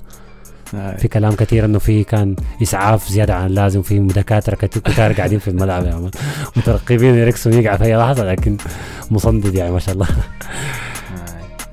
فدي المجموعة الرابعة. نمشي للمجموعة الخامسة. يلا مجموعة لويس انريكي. خلينا نتكلم عن الفوز الضخم ده إسبانيا السبعة كوستاريكا الصفر أنا مشيت حضرت المباراة دي في ال fan zone. فوتت الشوط الأول عشان الصفوف الطويلة يعني عشان أدخل. أنا بتكلم عن ال fan zone الكبيرة اللي في البداية اللي فيها الشاشة الضخمة. فوتت الشوط الأول فجيت لقيتها 3-0 قلت لا حول ولا قوة كده آه، ففي الشوط الثاني حضرت الاربع اهداف يعني سجلوها إسبانيا. وشفت جلسة التدريب بتاعت منتخب إسبانيا دي اللي يبدو إنها كانت ما كانت مباراة في كاس فحصل شنو؟ ال... كان كان في خوف برضه برضه نعيد ونكرر بعد اللي حصل مع الأرجنتين. كل الفرق اللي بين قوسين كبيرة وعندها فرصة إنها تمشي كأس العالم لقدام بقت خايفة وبتحاول تلعب بتركيز أكثر من بداية الكورة يعني. فده كان حل إسبانيا. إسبانيا كانوا جادين شديد من بداية الكورة. آه، ودي حاجة لاحظتها يعني في ال- في الكورة لما حضرتها إنه ما كانوا بيستهونوا خالص بكوستاريكا. كوستاريكا كان عندها بطولة كأس عالم كويسه 2014 تعلق فيها كيلو نافاس لو نتذكر آه لكن في الكورة دي تردموا بس ما في أي حاجة. الشوط الأول أنا بالنسبة لي شوط مثالي شديد من من لعيبة منتخب إسبانيا. شفنا حاجة مختلفة اللي هي لويس إنريكي بدأ برودري ارتكاز مانشستر سيتي كقلب دفاع. في التشكيلة بتاعته. يعني بعد كمية المدافعين الكتار اللي شالهم ديل واستبعد راموس قام خدت رودري قلب دفاع ده كله عشان شنو؟ عشان يلعب بوسكيتس ارتكاز. دي الفكرة هنا. بوسكيتس لا يمس. شفت منتخب نادي Europa League كاس عالم؟ بوسكيتس ما بتهبش أي حاجة حوالينا بتتهبش. ف وسطات. أي وسط ثقيله لكن أي رودري كقلب دفاع باين انه ما بطال لكن ما نقدر أحكم لأنه كوستاريكا يعني ما هجومي هجوم من ناحية الهجوم ما عندهم زول غير جول كامبل. اللاعب اللي ممكن نقول إنه كويس لكن غير كده ما فيها حاجة تانية كويسة. فما شفنا دفاعيا إسبانيا عانت يعني ولا رودري ذاته ظهر يمكن في لقطة واحدة. لكن على خط الوسط بتاع إسبانيا حاجة ممتازة شديد. جافي بوسكيتس بيدري ثلاثي برشلونة تفاهم عالي شديد. وقدامهم ثلاثة لعيبة هجوم. الثلاثة بيتحركوا ما ما مرتكزين على مناطقهم اللي هم أسينسيو. وداني أولمو وفران توريس. فمرة تلاقي ده جناح مرة تلاقي ده مهاجم وهمي مرة تلاقي ده راس حربة. فالحركية دي اللي هي كان بينتقدوا فيها إنه إسبانيا ما عندها لاعب رقم تسعة غير الفارو موراتا. وفي شح بتاع تهديف في التصفيات. لكن في الكورة دي باين إنه قدر يوصل المرمى كتير يعني بالعشوائية دي أو بعدم التمركز. فدي كانت النتيجة بتاعت الثلاث أهداف في الشوط الأول. يعني. اي والشوط الثاني استمرت الهيمنة. يعني إسبانيا عندها الأرقام القياسية بتاعت أكثر تمريرات في مباراة واحدة. كأس العالم الفات 2018 في مباراتهم ضد روسيا في دوري 16 المرقوا فيها إذا متذكر كان عن طريق البلنتيات. كانوا وصلوا 1008 باص في مباراة واحدة. آه، المباراة في الوقت الطبيعي 120 دقيقة على الأقل طيب.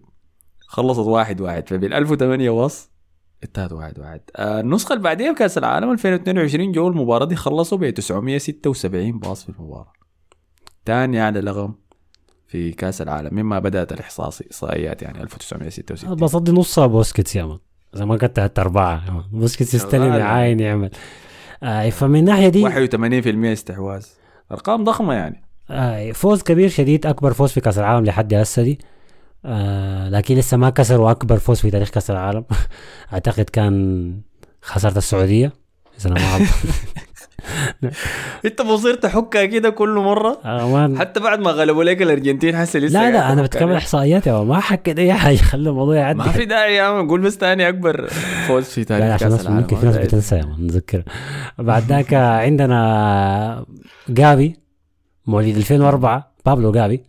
سجل هدف وده أصغر لاعب يسجل هدف في تاريخ كأس العالم من آه، هدف بيليه أعتقد كان عمره 17 سنة صحيح يعني. فده رقم عمره ممتاز. 18 جاب حسي. أيوه طبعا جافي عمره 18 لكن كأس العالم لو اتلعب في الصيف كان يكون لسه عمره 17 فكان يكسر الرقم بتاع آه عشان كده مصرين يعني آه هو برضه أخذ جائزة أحسن لاعب في المباراة آه جونو سمح كان. لا جافي ممتاز. أنا أنا بيعجبني جافي في ناس عارف ناس ما بتحبه لكن العشوائية أحيانا بتاعته والقطع الكرات الكتير وبتلاقيه في أي حتة في الملعب. دي أنت بتحتاج لاعب زي ده ما تقدر تعرف هو بيعمل شنو. ما ما تقدر تستوعب هو داير يعمل شنو. فده لاعب عشان ال- الخاصية دي ما موجودة في اللعيبة الاسبان عشان كده عنده واضحة شديد بالضبط. بتخليه آه، ملحوظ. آه، بالضبط.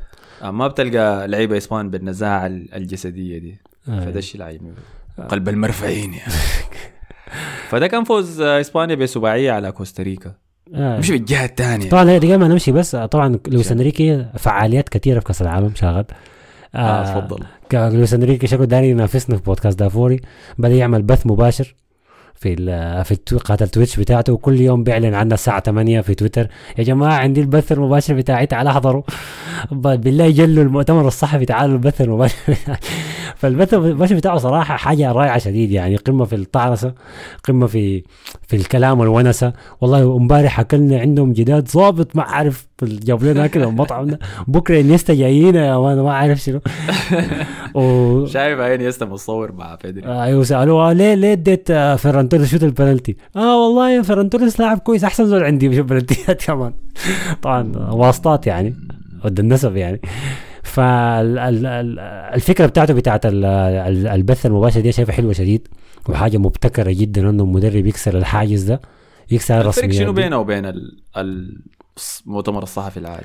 المؤتمر الصحفي أول حاجة هو مجبر عليه بحكم العقد بتاعه يعني كمدرب إنه لازم يحضر المؤتمرات الصحفية. تاني حاجة طبعا ملتزم بوقت معين لازم كل صحفي يسأل الأسئلة بتاعته آه ممكن يعاقب آه من الفيفا أو من المنتخب قصدي آه يعني الحاجات ال- العشوائية بتاعته دي يعني بس هو بيتكلم عن الحياة ال- آه في المؤتمر الصحفي اللي بتهمه هو. في المؤتمر الصحفي بتكون أسئلة غالبة أغلبها عن الكورة لكن في ال في ال في ال- البث المباشر بتاعه الناس بتسأله فالجماهير هي بتكتب له تعليقات وهو بي- بيختار حاجات عشوائية مثلا بيسألوه كتابك الجاي يكون عن شنو؟ ما عارف آه، آه، نمت كيف الليلة مرتك أخبارها شنو؟ هذه كمان غريبة شديد يعني اسئله بطالة ذاتها. رايك شنو في الجو في قطر؟ برد حر مش. أي مثلا قال إنه إحنا محظوظين إنه إحنا معسكرنا قريب شيء من الفندق بتاعنا. يعني قال أنا ب... ب... بنزل باخذ السكوتر بتاعتي دي ولا بمشي خمسة دقائق بلاقي نفسي في المعسكر بنتمرن قال في في منتخبات تانية معسكراتها بعيدة بيركبوا باص ساعة لحد ما يوصلوا الحتة بيتمرنوا فيها. ف هم معسكرا في جامعة قطر برضه بالمناسبة. آه يلا شوف. لكن هو مبسوط أيوه مبسوط. جاب جاب سيرة الجامعة. قال قال أنا منبهر شديد بالجامعة بتاعت قطر دي ها؟ آه قال عاجباه عاجباهو آه اي والله. والله فا ده كلام عجيب. فهي برضه مثلا الم- الم- الم- المتابعين بتاعينه بي- بيدفعوا له قروش يا مان في البث المباشر. والله آه. بدوا donation هاي donation يا مان. واسئلة كده highlighted super chat وحاجات كده. ودينا room tour وريهم الغرفة اللي هو قاعد فيها. والكراسة اللي فيها التكتيك بتاع الكوره الجاية فايز ما تفوتوا يعني. الحركة دي شديدة هي أنا عجباني شايف مدربين زيادة المفروض يبدوا يسووها. فمتكيف منها. لكن موضوع جامعه قطر ده صراحة لسه ما راكب معي أنا مستغرب منه والله. أنا طبعا الجامعة اللي قريت فيها هنا كانت جنب جامعة قطر طوال يعني سياج بسياج حيطة بحيطة كده. آه فكنا بنمشي جامعة قطر دي طبعا جامعه قطر ما ما مختلطة الرجال برام والنسوان برام كمان. فسمعتها ك- يعني سمعتها إنها مكان رف شديد مكان خشن لما. النتيجة بتاعتها أحمد الفاضل يا جماعة ده ده ال result. لا لا أنا ما قريت فيها أنا قريت جنبها. ما برضه الاثار يا مان influence كنا بنمشي نخلط بهناك يعني في tea time جنبها كمان. فكانت حتة ظريفة. فحسيت لما يقولوا لي مثلا ميسي بيتمرن هناك أنا ما قادر أستوعب الحياة دي في راسي لأنه ميسي برضه الأرجنتين هناك معسكرهم هناك. فده كانت فوز إسبانيا 7 0 لكوستاريكا. مبسوط جدا للويس إنريكي. آه، بس الشيء المقلقني الوحيد في إسبانيا الناس بيتكلم عنها كمرشح قوي برضه وشايفها مرشح قوي صحيح. ما باخذ الحاجة دي منها. بس لسه حتى بالفوز السبعة صفر ده شايف إنه الأهداف حتكون مشكلة لقدام آه لو وفروا السبعه دي. لو فازوا بس ثلاثة وخلوا أربعة وزعوا على الكرة الثانية كان أحسن يوم. أي أي. آه. كوستاريكا فريق سيء جدا. حيتمردغ يعني. أصبر ألمانيا لما طلع ضده برضه حتمردغوا آه لكن مشكلة الأهداف دي بس إلا أشوف أسبانيا ضد فريق زي الناس تسجل أهداف تصنع فرص واضحة يسجل منها أهداف حتى حستريح. لكن لحد الوقت داك لسه الاتهامات موجودة على السيستم ده يعني. مم. فدي كانت إسبانيا وكوستاريكا نمشي يلا لسقوط العملاق الألماني. يا سلام يا سلام يا اليابان كابتن ماجد ورفقائه عملوها يا مان. وقعوهم. فطيب خلينا نبدأ عن ألمانيا. ال- المزعجة يا أخي أنا بقيت بكره ألمانيا ده الكرة. أخذوا القمة في المنتخبات اللي أنا بكرهها في كأس العالم ده. أنا كله كأس عالم بكره المنتخبات الأوروبية وبشجع المنتخبات اللي بتلعب ضدها.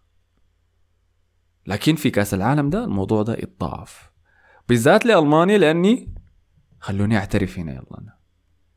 أنا زمان كنت بشجع ألمانيا. 200 يا أخي. 2014 لما فازوا بكأس العالم ذاك. لسبب واحد. ما محتاج تفكير كثير عشان تعرف. ولاعب واحد. مسعود اوزيل بالضبط. لاعبي المفضل في أرسنال وكده من أيامه في ريال مدريد أنا كنت بحبه لكن لما جاء أرسنال خلاص يعني قصة الحب اكتملت. ونقلت تشجيعي ده للمنتخب الألماني. وفرحت شديد لما غلبوا الأرجنتين في النهائي داك وشفت مسعود اوزيل بيرفع الكأس الذهبية.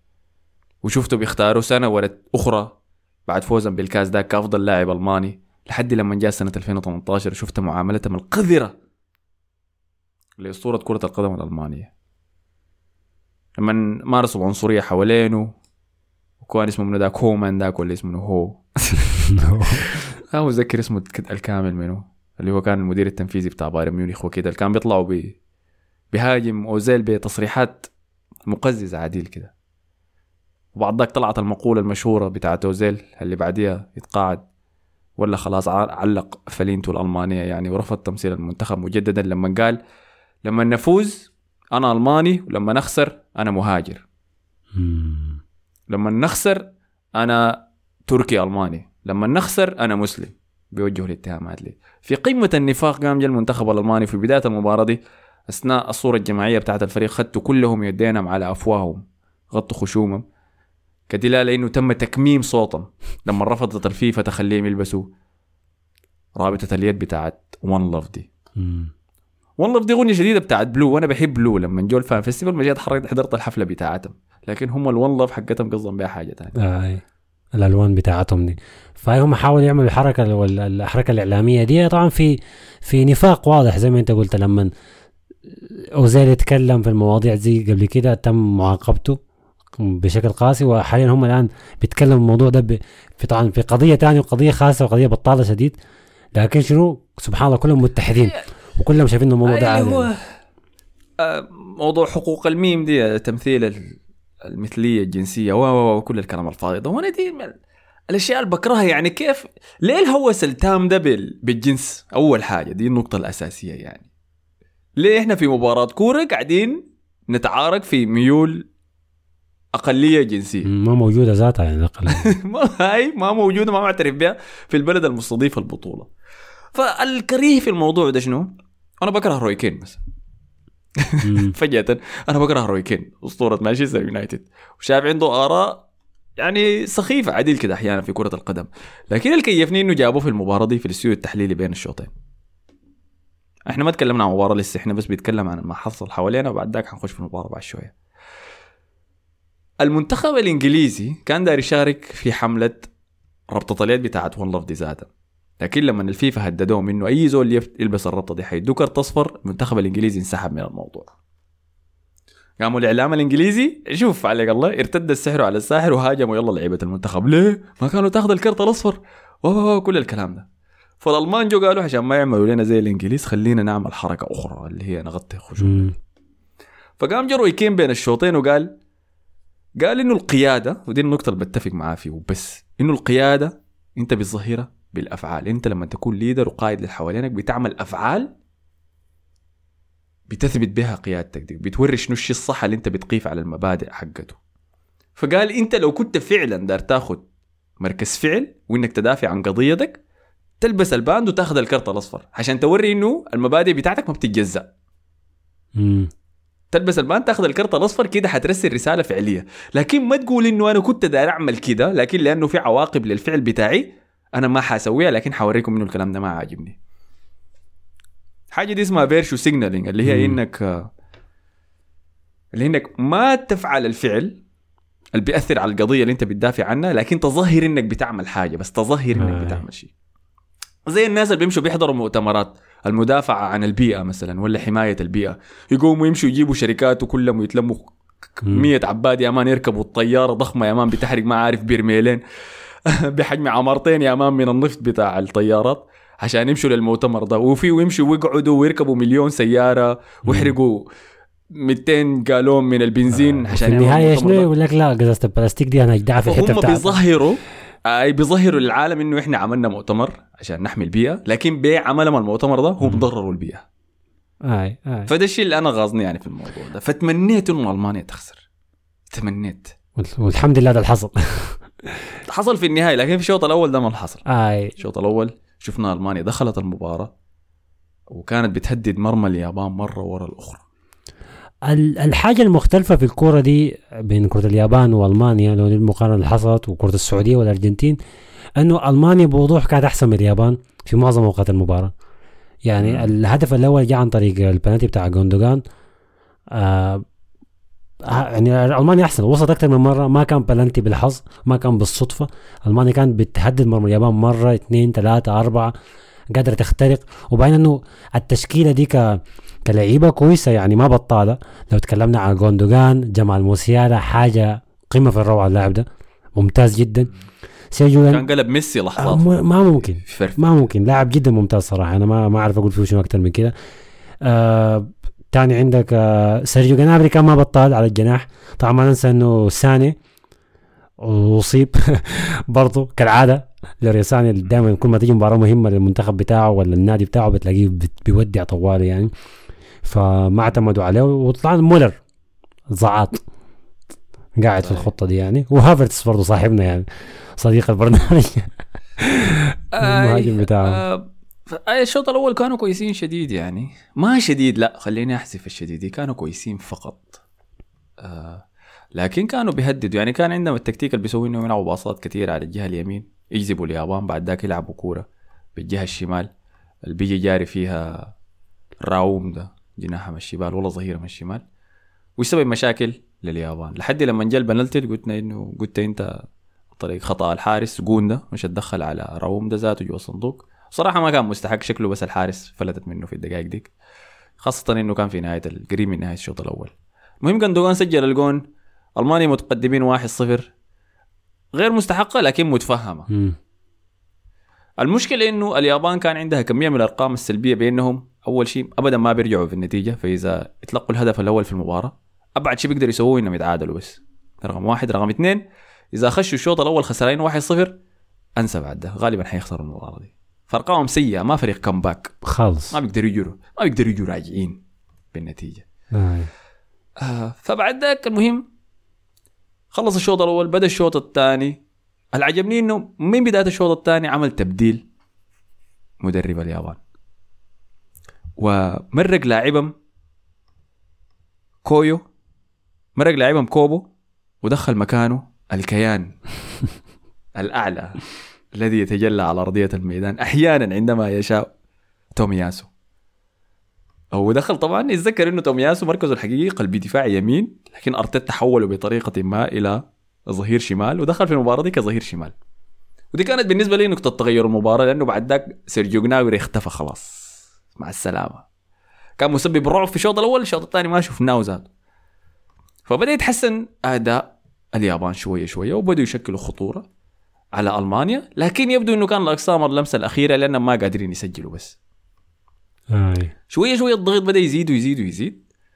آه وما ساعد إنه بعد ذاك فليك قام عمل تبديلين اللي هم غيروا بالنسبة للمباراة. اولا كان خروج جندوجان ودخول جورتيسكا مكانه مم. اللي بهناك من جهة ثانية في اليابان كان عندنا دخول آه، كاروما ميتوما مكان واحد من المدافعين. فاليابان قاعد تهاجم وفليك شكله خلاص قال إنه اليابان ديل ما حيسجلوا فيني جون فخليني أمرق الناس الأساسيين. مرق جندوجان دخل جورتيسكا لما مرق جندوجان سيطرة الوسط خلاص ضربت بتاعة ألمانيا. بقى ما في وسط يا man.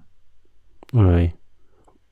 فبعد ذاك قدروا اليابان يسجلوا الجون الأول آه، جون التعادل في الدقيقه 74 ريسان الألمان ضربت يا man شنو كنا ضامنين ثلاثة نقاط قبل شوية حسي طارت مننا. اليابان بدأت تهاجم زيادة وزيادة كان في تصدي رائع من نوير وكيتا في المباراة. آه. هي الحاجة برضه في الدقائق دي برضه يا أحمد الحاجة غريبة okay اليابان سجلت جون. كويس. الضغط بدأ يحصل على ألمانيا. already هو عمل الغلطة بتاعت مرقة دو- جوندوجان تجي على الدقيقة 79 وانت لسه مستقبل هدف من كم دقيقة. تطلع جمال موسيالا وتدخل جوتزا ده شنو ده يعني؟ قايل له حيعمل شنو يعني؟ قايل له قال للأرجنتين ده قال كاس العالم 2014 الموضوع انتهى زمان يا يعيد عقارب الساعة آه، وكمان برضه كان مرق هافرتس برضه في نفس الدقيقة يعني. فالتبديلات هي محيرة شيء لهانز فليك. فجات النتيجة سيئة طبعا بعدها. فبعد جاء تاكوما أسانو سجل الهدف الثاني بالدقيقة 83 لتفوز اليابان. في مباراة الافتتاحية في كأس العالم 2022 آه. انت عارف أحمد الكورة دي أنا بتفرج فيها وأنا في في, في الشغل في الدوام. كويس؟ وقاعد والمدرب المدرب. المدير بتاعي قاعد وراي. كويس؟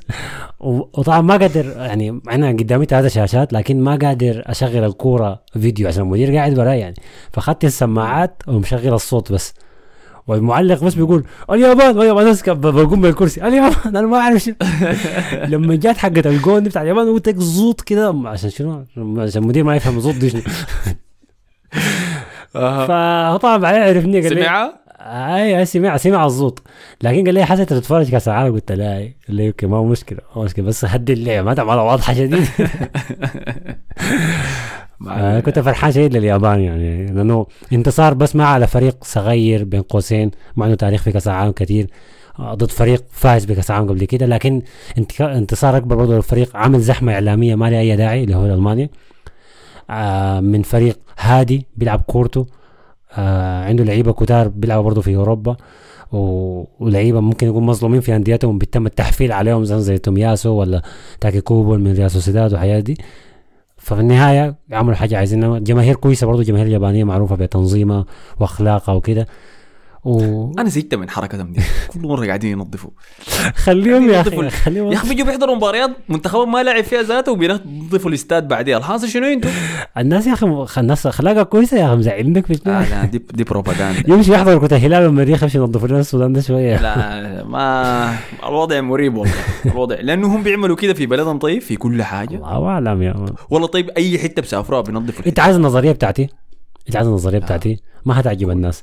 ال اليابانيين دي دي دي حلقة بعد منتصف الليل. آه، ال ال اليابانيين عموما عموما الأخلاق بتاعتهم اللي بينشروها برا دي دي دي حاجة مرتب لها أنهم دارين يلمعوا صورتهم قدام العالم. ودي حاجة ما طبعا من الكورة شويتين. دي حاجة حصلت بعد ال- الج- الجرائم اللي عملتها اليابان كدولة زمان يعني ضد كل دول آسيا. كانوا بيحتلوهم كانوا بيدمروهم تدمير عديل يعني. فالناس فهم فبدوا بعدك بالثقافه بتاعت إنه نحن دولة كيوت دولة مؤدبه دولة مرتبة وإنه أي زول يطلع برا لازم يمثلنا كويس. فدي وظيفة بالنسبة لهم أكثر من أي حاجة يعني. يعني بروباغندا دايرين يظهروا بروباغندا لكن إيجابية يعني ما بروباغندا كعبة يعني. ما حاجة كويسة اي لكن مصطنعه يعني. أنا بالنسبة لي مصطنعه لكن طبعا الناس ما حتصدقني لكن أنا عاشرت يابانيين فالحاجه دي عارفها يعني عاشرت يابانيين جدا. آه، ادينا طيب الأرقام القياسية اللي حققوها اليابان في بفوزهم ده. آه رقم مهم جدا. أول فوز لليابان آه ككمباك أو كعودة من المباراة. دائما بيكونوا خسرانين ما مستحيل يرجعوا ده أول مرة يعملوه. أول مرة يعملوا ريمونتادا. آه برضو أول مرة يرجعوا في النتيجة هم خسرانين في الشوط الأول فيرجعوا في الشوط الثاني ده انجاز وبرضو أول مرة يرجعوا بعد تلقي الهدف الأول يعني لو اول مرة يخش فيهم الجون بعدك هم يرجعوا عادة ممكن يرجعوا لو هم سجلوا سجل فيهم الثاني التعادل عفوا بعدك هم يجيبوا الثاني والثالث. يا ما أول فوز لليابان عايدة بالنتيجة في مباراة. أول فوز لهم بعد تلقي الهدف الأول وأول فوز لهم بعد نهاية الشوط الأول وهم خسرانين آه دي العربي دي إنجاز بالترجمة. آه يا مان كاش بس. آه وتبديلات رائعة من مدربهم لأنه البديلين الاثنين دخلهم سجلوا الأهداف. آه. اداء ضخم يعني منه طيب فديل كانوا ألمانيا واليابان. دي نتائج المجموعة الخامسة. مصدرين المركز الأول إسبانيا بفرق الأهداف المركز الثاني اليابان المركز الثالث ألمانيا والمركز الأخير كوستاريكا. كوستاريكا ال goal difference بتاعكم سالب سبعه خلاص يا معلش يا سلامة. نفس. آه خلاص. طيب ده كان المجموعة السادسة. طيب لا لا قبل ما نمشي المجموعه السادسة عن موضوع اليابان ده. أنا بعد خلصت المباراة مشيت ال fan zone عشان أحضر مباراة اللي كانت بعديها اليوم ذاك اللي هي كان مباراة آه، بلجيكا وكندا. فمشيت ركبت المترو. لسبب ما يا حسن أنا قلت يا خليني ألبس فلينة ارسنال وأنا ماشي ال fan zone. أنا ما بشجع منتخب واحد أنتوا عارفين أنا بشجع كل المنتخبات اللعبة ضد الفرق الأوروبية. فأنا أنا بشجع مبدأ. ما بشجع جيفارا يا man أنت ضد اي زول غير غير المكسيك يعني المكسيك بس حاس حشجعهم فترة قصيرة كده كإعارة بس. فما عندي فلاين منتخب حاليا. فقلت خليني ألبس فلينة أرسنال. لبست فلينة أرسنال السوداء بتاعتي ومشيت ال fan zone. وللمرة الثانية على التوالي بمشي فيها ال fan zone يا حسن لاحظت إنه في كمية ناس لابسة فلينة أرسنال. بتكلم عن كمية ضخمة يعني أكثر من عشر أشخاص أنا لقيتهم أنا شفتهم بس. لابسين فلينة ارسنال الشيء الغريب إنه أنا ما شفت ناس لابسة فريق ما شفت ناس لابسة فلينة الريال ما شفت ناس لابسة فلينة برشلونة ولا ولا مانشستر. أنا بس قاعد أشوف. ناس لابسة فلينة ارسنال يا مان كل يوم أمشي الفانزون بشوفهم. وبقيت بسلم عليهم يعني بنشوف بعض بنسلم على بعض. انت أنت متصدر؟ زي آه. متصدر. والله ده اللي قاعد يحصل آه حنفوز بيه السنة دي. آه حنفوز بيه الناس في كأس عالم وانتوا وين يا أخي؟ والله ده مشكلة مشكلة. فاقتنعت إنه أرسنال هو منتخب يعني منتخب لاعب في كأس العالم عنده التمثيل حقه. أنتوا مصرين. وضحكني زيادة إنه آه اليابانيين لما كانوا بيشوفوني لابس ارسنال طبعا يقولوا أوه تومياسو تومياسو. سوبر تومياسو سوبر. طبعا نقعد نغني مع بعض يا أغنية تومياسو. آه. فده الشيء اللي عجبني. والله إنت مشكلة مشكلة مشجعين أرسنال ديل ما بيخلوا الناس ترتاح يعني. لكن آه،. حياتكم قريبة. واصل. أنا يوم السبت حشجع المكسيك وبعد ذاك حرجع لتشجيع أرسنال. طيب في كأس العالم. المجموعة السادسة يلا خلينا نمشي لها. مشيت عشان احضرها في الفانزون زي ما قلت لك. كندا صفر. بلجيكا واحد مباراة الحزينة. في المجموعة دي. ليه حزينة؟ والله يا أخي لأنه بالنسبة لمنتخب بيبي في كأس العالم بتكلم عن كندا. تاني مشاركة لهم في كأس العالم في منتخب مع منتخبهم ده.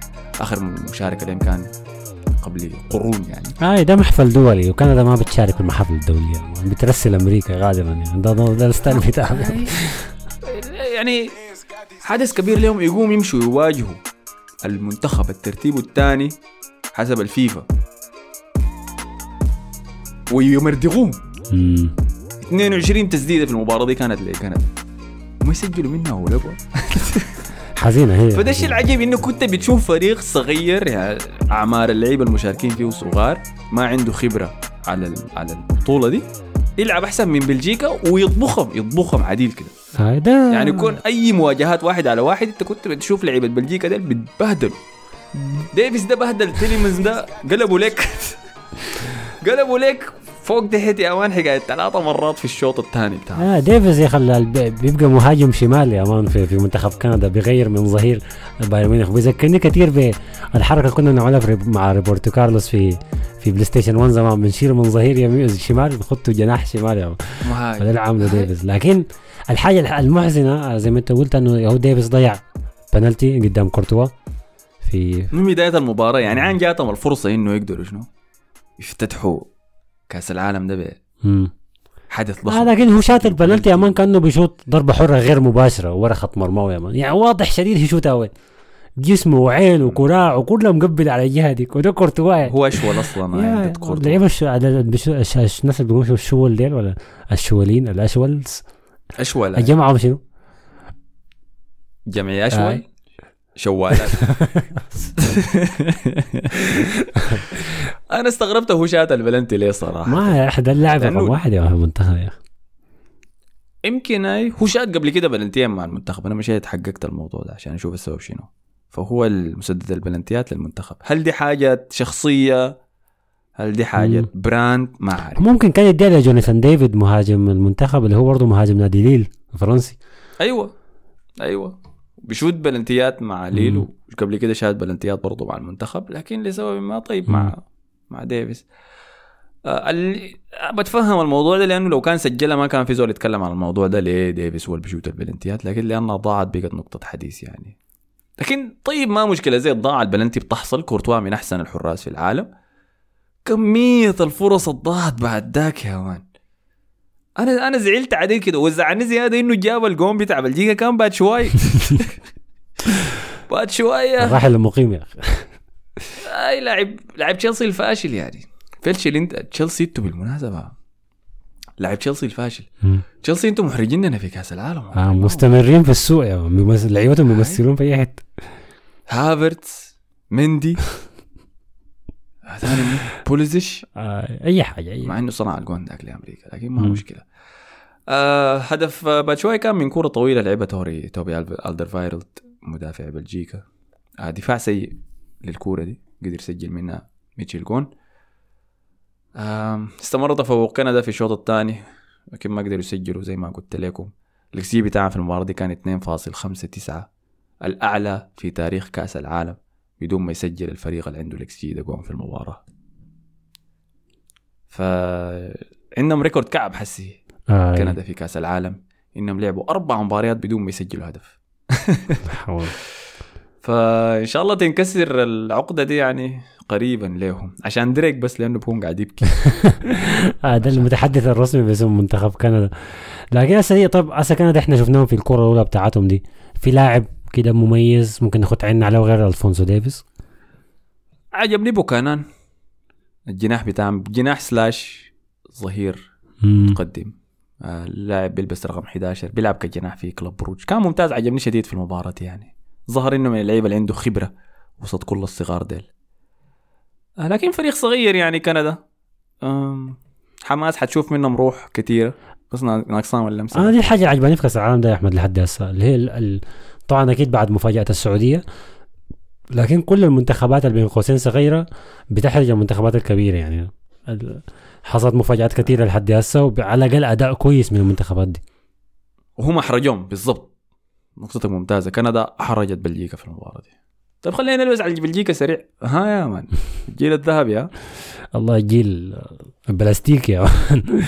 آه طبعا طلع طلع آه، كيفن دي بروين بعد المباراة بعد ما ادوها جائزه أحسن لاعب زعلان شديد محمر زي الفنينه هو لابسها قال جائزه أحسن لاعب شنو إحنا لعبنا كعب شديد يا man شيلوا الجائزه دي أنا ما عايز.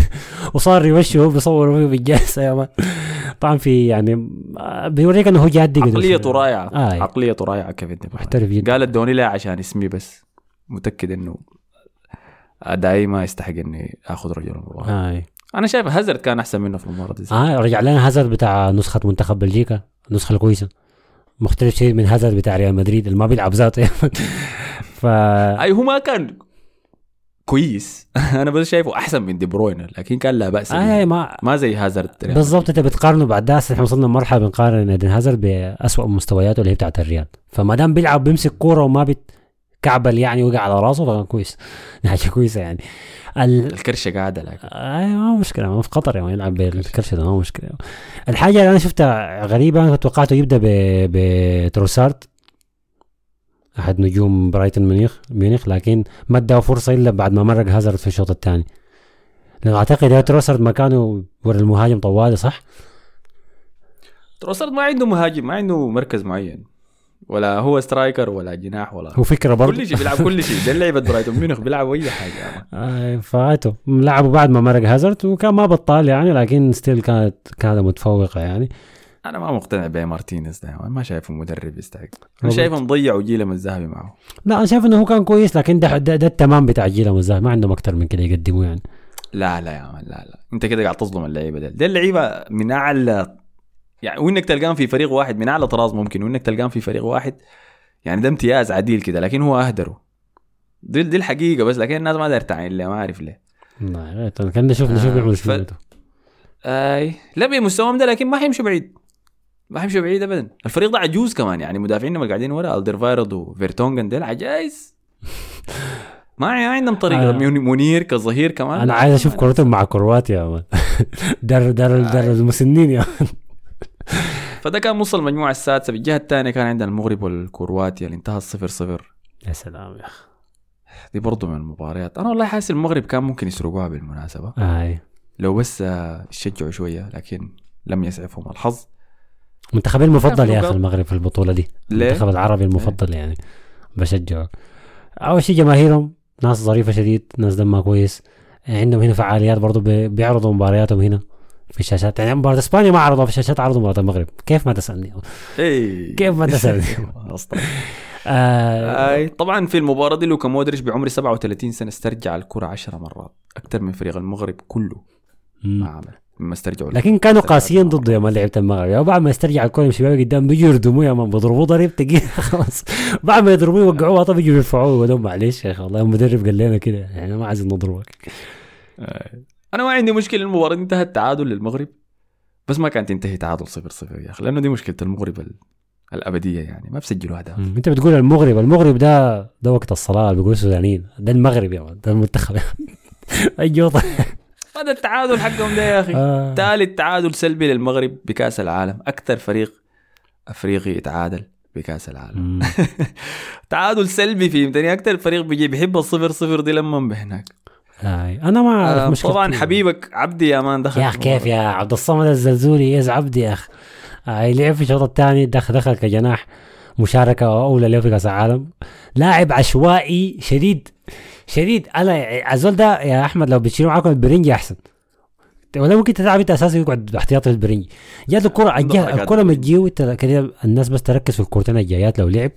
عبدي ده جريته غريبة خلاص راسه جاي قدام كتفين ورا. عنده posture كده غريب شديد. ولما نجري ما بباصي كده بحالف طلاق أنا ما باصي لأي زول. لازم يعمل مهارات. كويس؟ آه، فعمل مهارة كده فبعدين جل الكره وجرى وجرى من غير الكره قال الكره في رجله يا man. الكره قاعد ورا. فعشوائي شديد. الجهة الثانية عندنا حكيم زياش بطال جدا ما عمل أي حاجة. بينهم راس الحربة يوسف النصيري برضه مستوى سيء. المغرب يعني غير يوسف بونو. في في الحراسة وأشرف حكيمي كظهير يمين. ما ما شايف أسامي الثانية مجرد أسامي بس في الملعب يعني مع الأسف يعني. ما عارفين الأهداف حتجي من وين لكن حنشوف إحنا منتظرين. ممكن يعملوا شيء ضد بلجيكا المغرب؟ ممكن. مم. حنتابع ونشوف. أما بالنسبة لكرواتيا صراحة برضه نفس المشكلة. موضوع العمر ده برضه مقلق يا مان. عجايز كميه كمية كبيرة في ال- في المنتخب. لوفرن بيلعب يا أخي.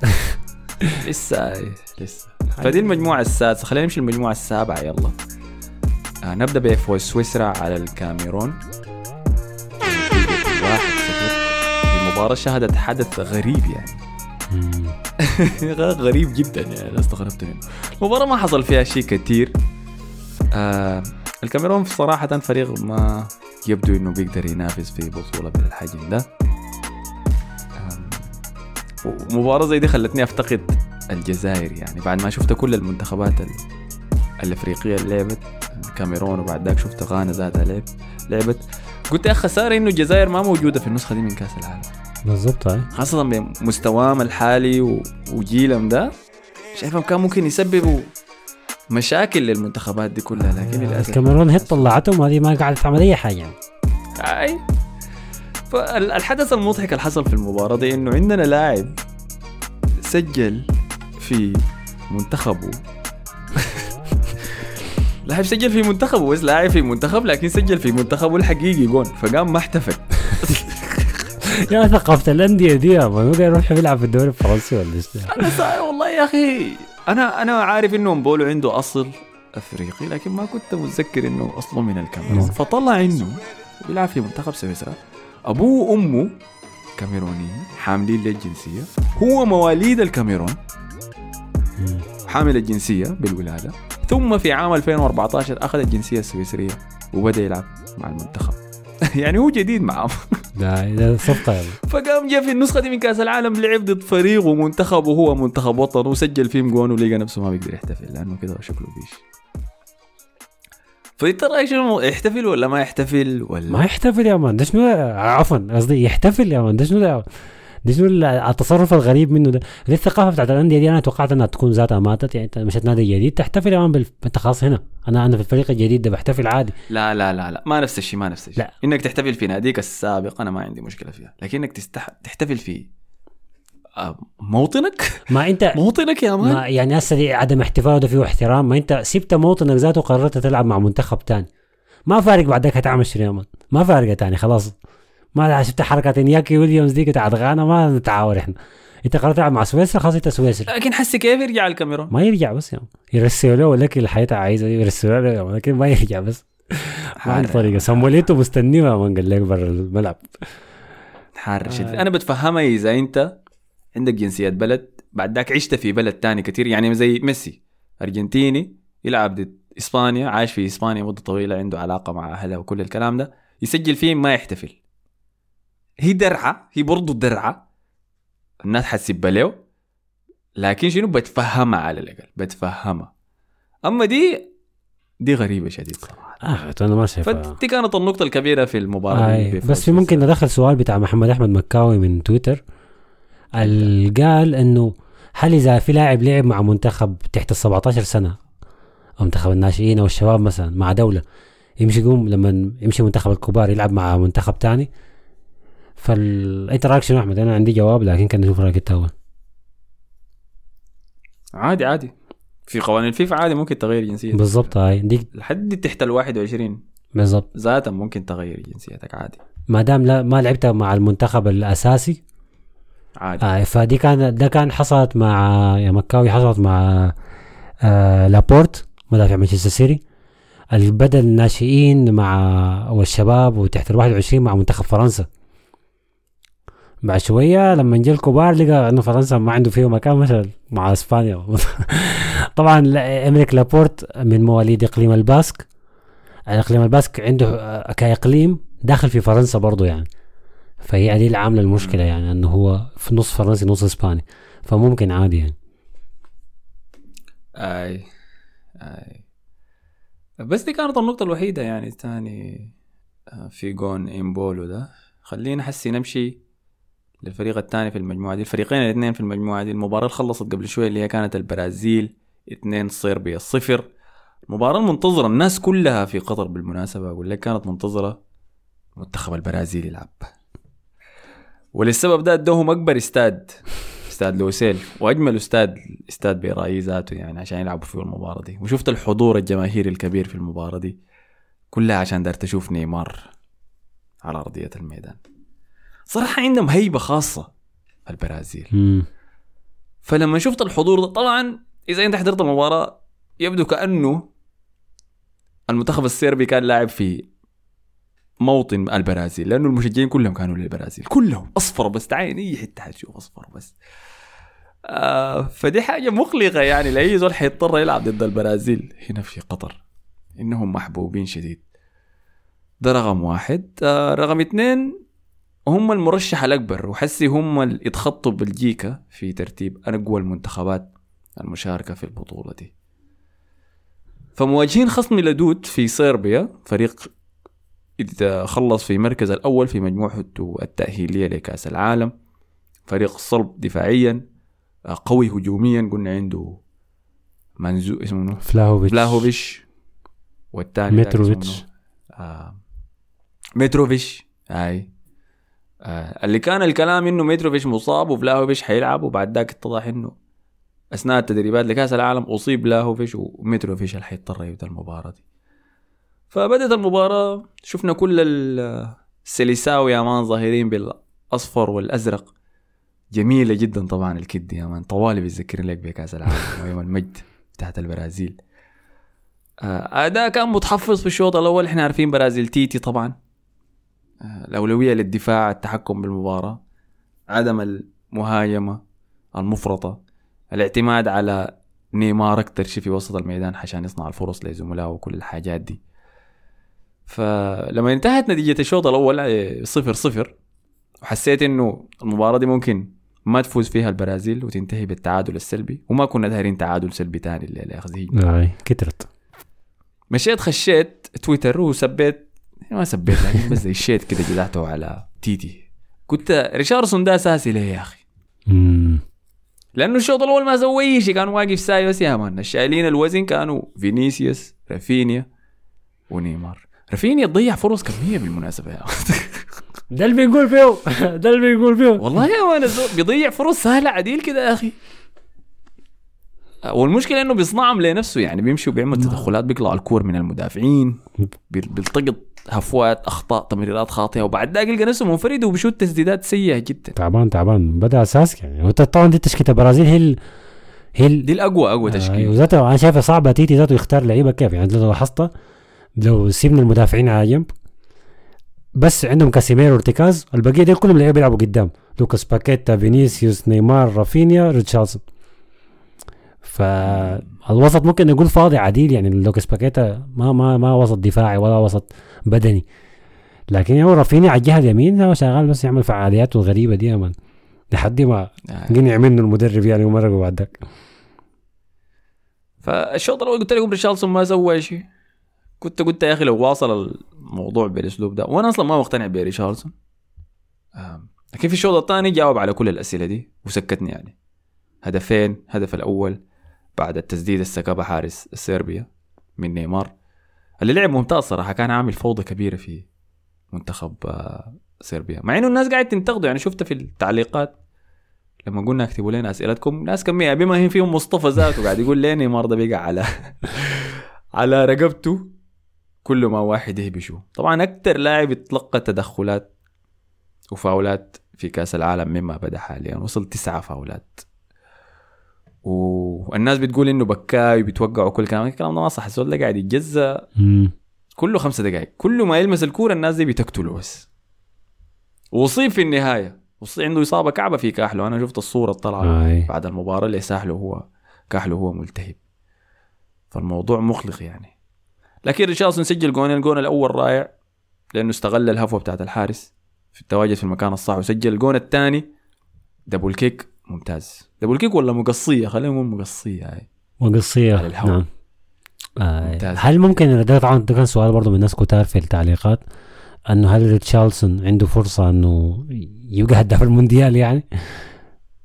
إذا منتخب زي البرازيل ده فيه لعيبة مهاريين كتار شديد ممكن كلهم يصنعوا له راس الحبه جوا الصندوق الكلاسيكي ده زي ريتشارلسون اللي بيعافر بس وبالشاكل لحد ما يجيب جون بأي طريقة ممكن ينتهي بقى مطاف إنه يجيب أهداف كتير يعني ممكن عادي خمسة ستة أهداف في الكاس ده. نمشي لقدام أي صحيح. اللي شفناه في المباراة دي إنه صربيا آه، البرازيل قدروا يحبسوهم جوا صندوقهم ويخليهم يتكدسوا. فده ساعد ريشارلسون يعني كان متواجد جوا الصندوق. كل الشغل اللي سواه في المباراة دي كان جوا الصندوق خاصة في الشوط الثاني. نشوف طيب في ضد منتخبات تانية حتلعب بخط دفاع متقدم وهي اللي حتعذب البرازيل. نشوف إذا حيقدر يساهم يعني. امم لكن حاليا بدري ما بنقدر نعرف. في كمية لعيبه عندهم هدفين لحد هسه جيرود عنده هدفين ساكا عنده هدفين. فالنسيا. ريتشاردسون عنده. هدفين. آي فحنشوف يعني. آه هو بس طبعا هو. مهم أكتر لاعب بالنسبة لي ما شايفه مهم لأنه لو اتصاب ما عندهم تسعة غيره في المنتخب ده. يعني طبعا يا أخي ما عندهم خيوط ما خيسوس ما تسعة. قام ده جوارديولا قال لما زهق. هسه برضه أرتيتا اقتنع به غالبا وستيتي برضه. فما عندهم تسعة غير غير ريشارلسون كان دكتهم ممتازة. شفنا مارتينيلي دخل أنتوني دخل خيسوس دخل فريد دخل ودق. رودريجو. صح. رودريجو آه، دخل آه، يعني. مشكلة. منتخبين عديل ده اليوم. مشكلة عديل كده هاي. فأداء ممتاز لين متصدرين مجموعاتهم كده. بفارق الأهداف. البرازيل في المركز الأول في المجموعة السابعة المركز الثاني سويسرا الثالث والرابع الكاميرون. الثالث الكاميرون الرابع سيربيا بفارق الأهداف لحد هسه. طيب نمشي المباراة ال... خلينا نمشي المجموعة الأخيرة. نتكلم عن المجموعة الثامنة. مم. كان فيها مباراتين. خلينا نبدأ من المباراة. اللي ما حصل فيها أي آي. شيء. ولا أي حاجة والله ما حصل فيها أي شيء لك. أنا ما حضرت عديل جليت عديل. يا مان ما فاتك أي شيء. كويس. بتكلم مباراة الأوروغواي صفر كوريا الجنوبية صفر. وبس ما ما حصل في أي شيء. بس حصل فيها شنو؟ جودين عمل رأسية كده. يمكن دقة القائم ولا صدها الحارس. بس. وفالفيردي سلخ له كورة كده وبس ده كل اللي حصل. يعني ما حصلت أي حاجة مباراة كعبة كعبة كعبة. لما أنا عندي مباراة حمشي حضر لها الأوروغواي آه. ضد البرتغال. وندمان حسي بعد ما لأني ما حضرت معاك اللابتوب يا مان شغلك جوا الملعب. والله يا أخي مشكلة. آه، فدي المباراة الأولى انتهى صفر صفر فما أثرت على المجموعة. بالجهة الثانية كان عندنا المباراة الشديدة صراحة. مم. آخر مباراة نغطيها وبعد ذاك نقفل الحلقة دي. بيتكلم عن برغار- مباراة البرتغال ضد غانا اللي انتهت بفوز البرتغال 3 2 في مباراة ودم ما كان ضروري تصل 3 2 بالنسبة للبرتغال. يعني المباراة دي كان ممكن تنتهي 3 1 بسهولة. عادي جدا. كان ممكن تنتهي 3 0 بسهولة. لكن قالوا خلينا نشعللها شوية. آه، مباراة أنا كنت أنا كنت منتظرها صراحة. أول حاجة آخر منتخب أفريقي يلعب في الجولة الأولى من كأس العالم وفي اللي هو غانا. وفي الناحية الثانية منتخب البرتغال بال تشكيلته اللي تعتبر بين قوسين كويسة. آه فأنا قلت ها وبعد برضه مشاكل رونالدو ورسميا آه فسخوا عقده مع يونايتد بالتراضي على كلامهم فهو حاليا ما عنده نادي فسخوا كأس العالم بالنسبة له حاجة مهمة شديد يعني. عشان يبدأ يبيع نفسه يعني ويروج لنفسه عشان يشتروا في آه سوق النخاس قاعد يبكي لما سمع آه. النشيد الوطني. اخر مرة هلعب كورة. يمكن ما بزول يشتريني تاني ف... فبدا طبعا من الأساسي ده انت كان كان عندك شكوك إنه هذا الزول ده يلعبوه أساسي في التشكيلة بتاعه. طبعا أكيد يلعب أساسي يعني. لازم رونالدو يلعب أساسي. إن شاء الله يطلعوا من المجموعه دي مركز رابع أكيد يلعب أساسي. معه جنبه جواو فيليكس وراهم برناردو سيلفا وفرنانديش ونيفيش وحاجات كده كتير أسامي كويسة كثيره لكن آه، أنا حسيت إنه البرتغال ما عارف يعني. الأهداف الجات دي الهدف الأول بنالتي okay غلطة من المدافع ضرب فيها رونالدو.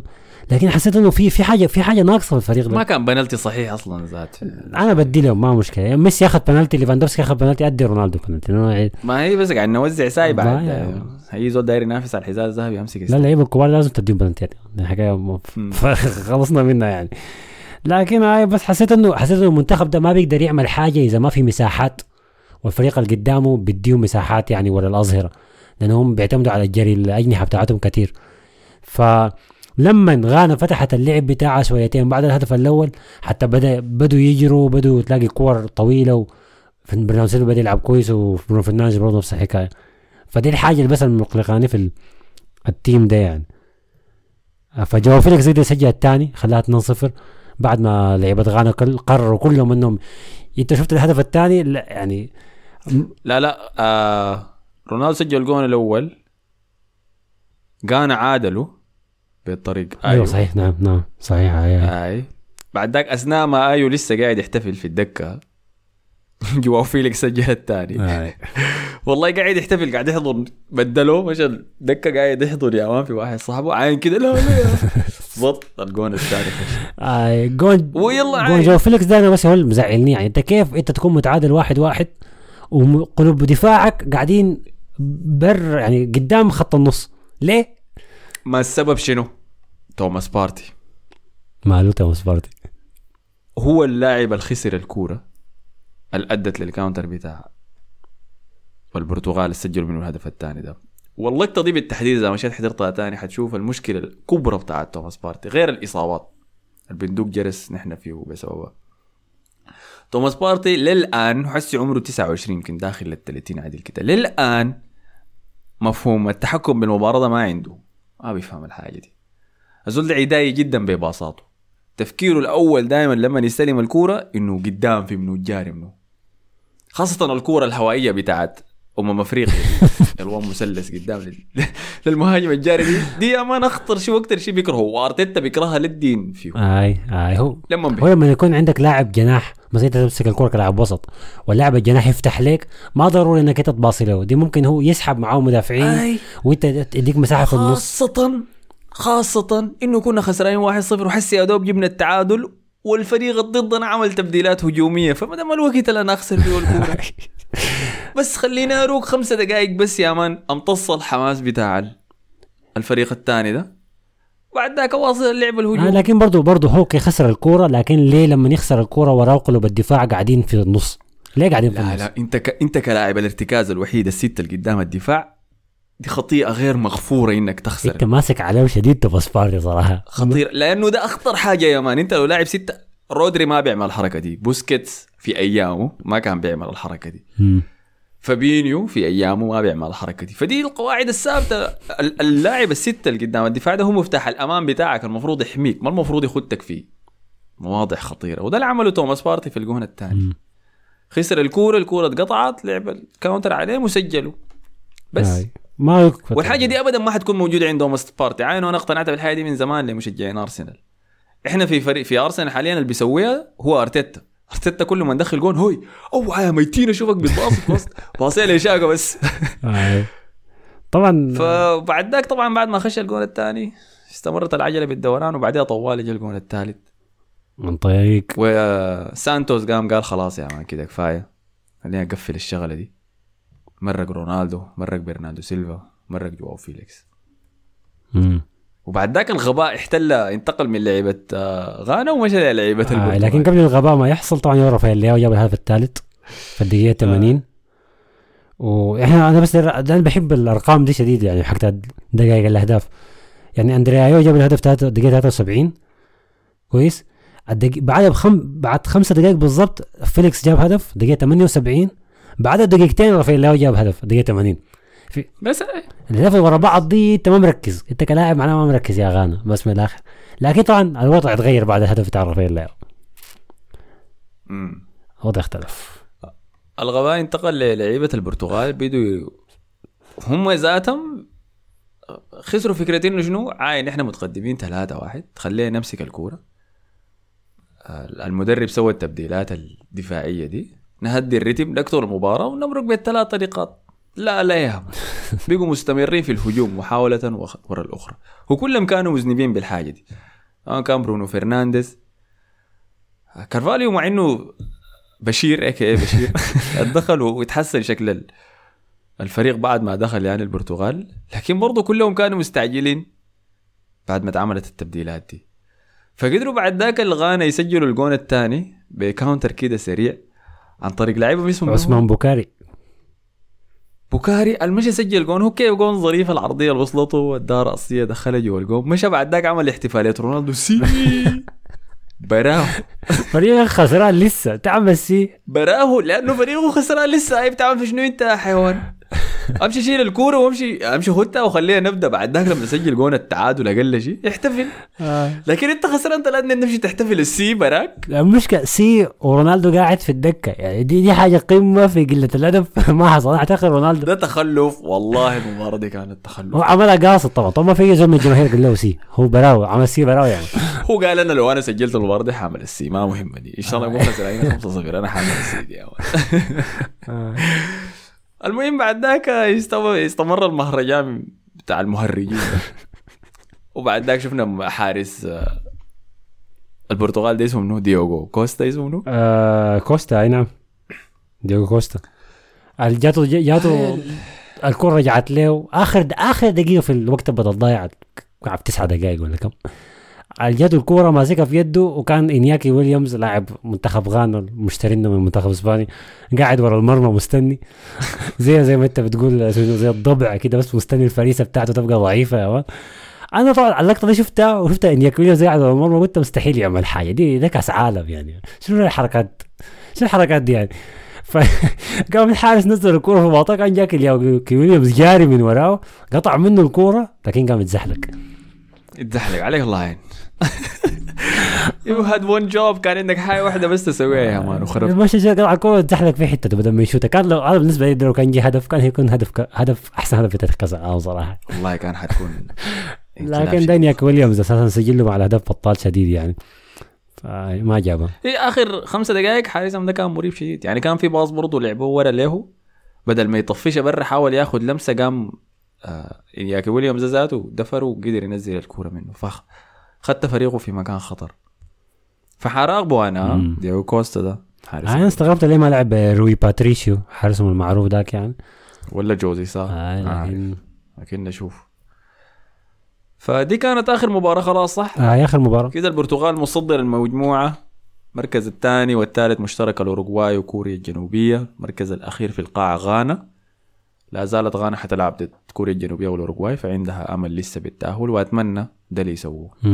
أنا كنت توقعت إنه البرتغال تمرق من المجموعات ويبدو أن ذلك لن يحدث يعني.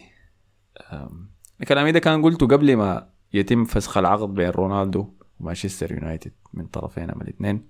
ده بأثر على حسابات أداء رونالدو. ما تغير كلامك يا أحمد. أنت قلت رونالدو لا لا ما, حغيرها ما حغير ما قلنا ممكن أغيرها أصلا. هي ثابتة.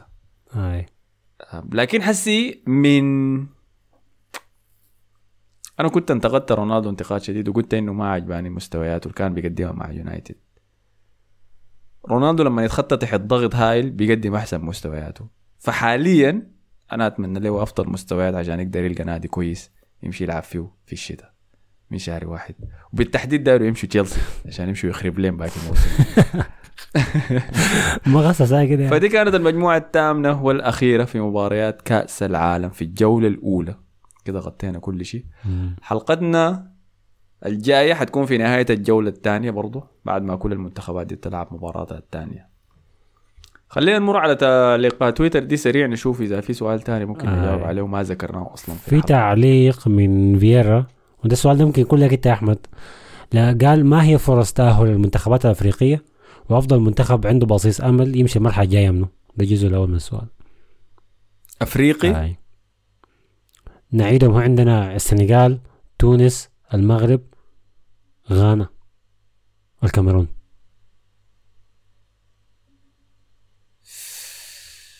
والله يا أخي لحد هسه ما في زول كده أقنعني شديد به المغرب الأفضل دفاعيا لكن ما بسجلوا أهداف. غانا قادرين يسجلوا أهداف لكن ما بثق بوسطهم. ده زي ما قلت لكم قبل شوية. إنه تقنيا ممتاز. لكن إذا طلبت مني أختار واحد كده بس السنغال. مم. أنت بتقول منه أنا بقول غانا دي ذاتها. غانا دي ذاتها. أنا شفتها بعد عشوائيات. بارتي دي شايف إنه الجماعه عندهم عندهم كورة بيلعبوها يعني. عندهم كورة بيلعبوها. طيب.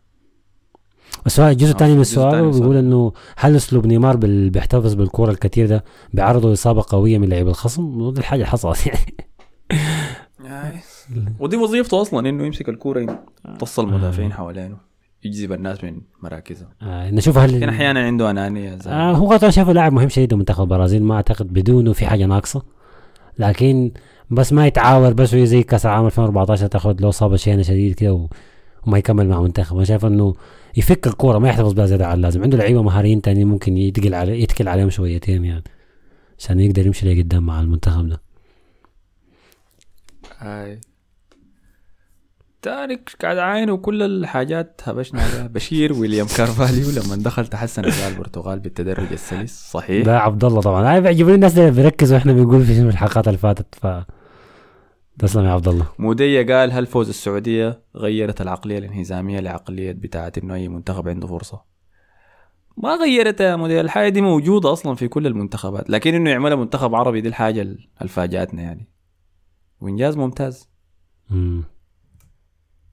بس تاني ما في شيء. آه وبي قال بس شوف لنا رد فعل حسن بعد السعودية فازت على البرازيل. قصده السعودية فازت على الأرجنتين. زعلان لحد ياسو زعلان بس كاتم والله. حار شديد لأنه أنا أنا من المجموعة دي اللي بتحب ميسي شديد يا احمد تسمينا ما أدري تسمينا شو أنا ما عندي أنا بشجع أنا ما بشجع ارجنتين بشجع ميسي. فبالمناسبة كأس العالم 2014 كان عندي فانيلة بتاعت الأرجنتين عليها ميسي. اشتريتها مخصوص عشان عشان عشان ميسي كويس؟ عبيت البس البطولة كلها من باب التشاؤم. لبستها في النهائي. الوحيدة كان بشجع الأرجنتين في الكافيه ذاك. عاوز حفل انه في تحفيل أنا بال تعرص يجي استعرص في النهائي وقاعد أحلف لهم والله ما بشجع الارجنتين والله ميسي بس.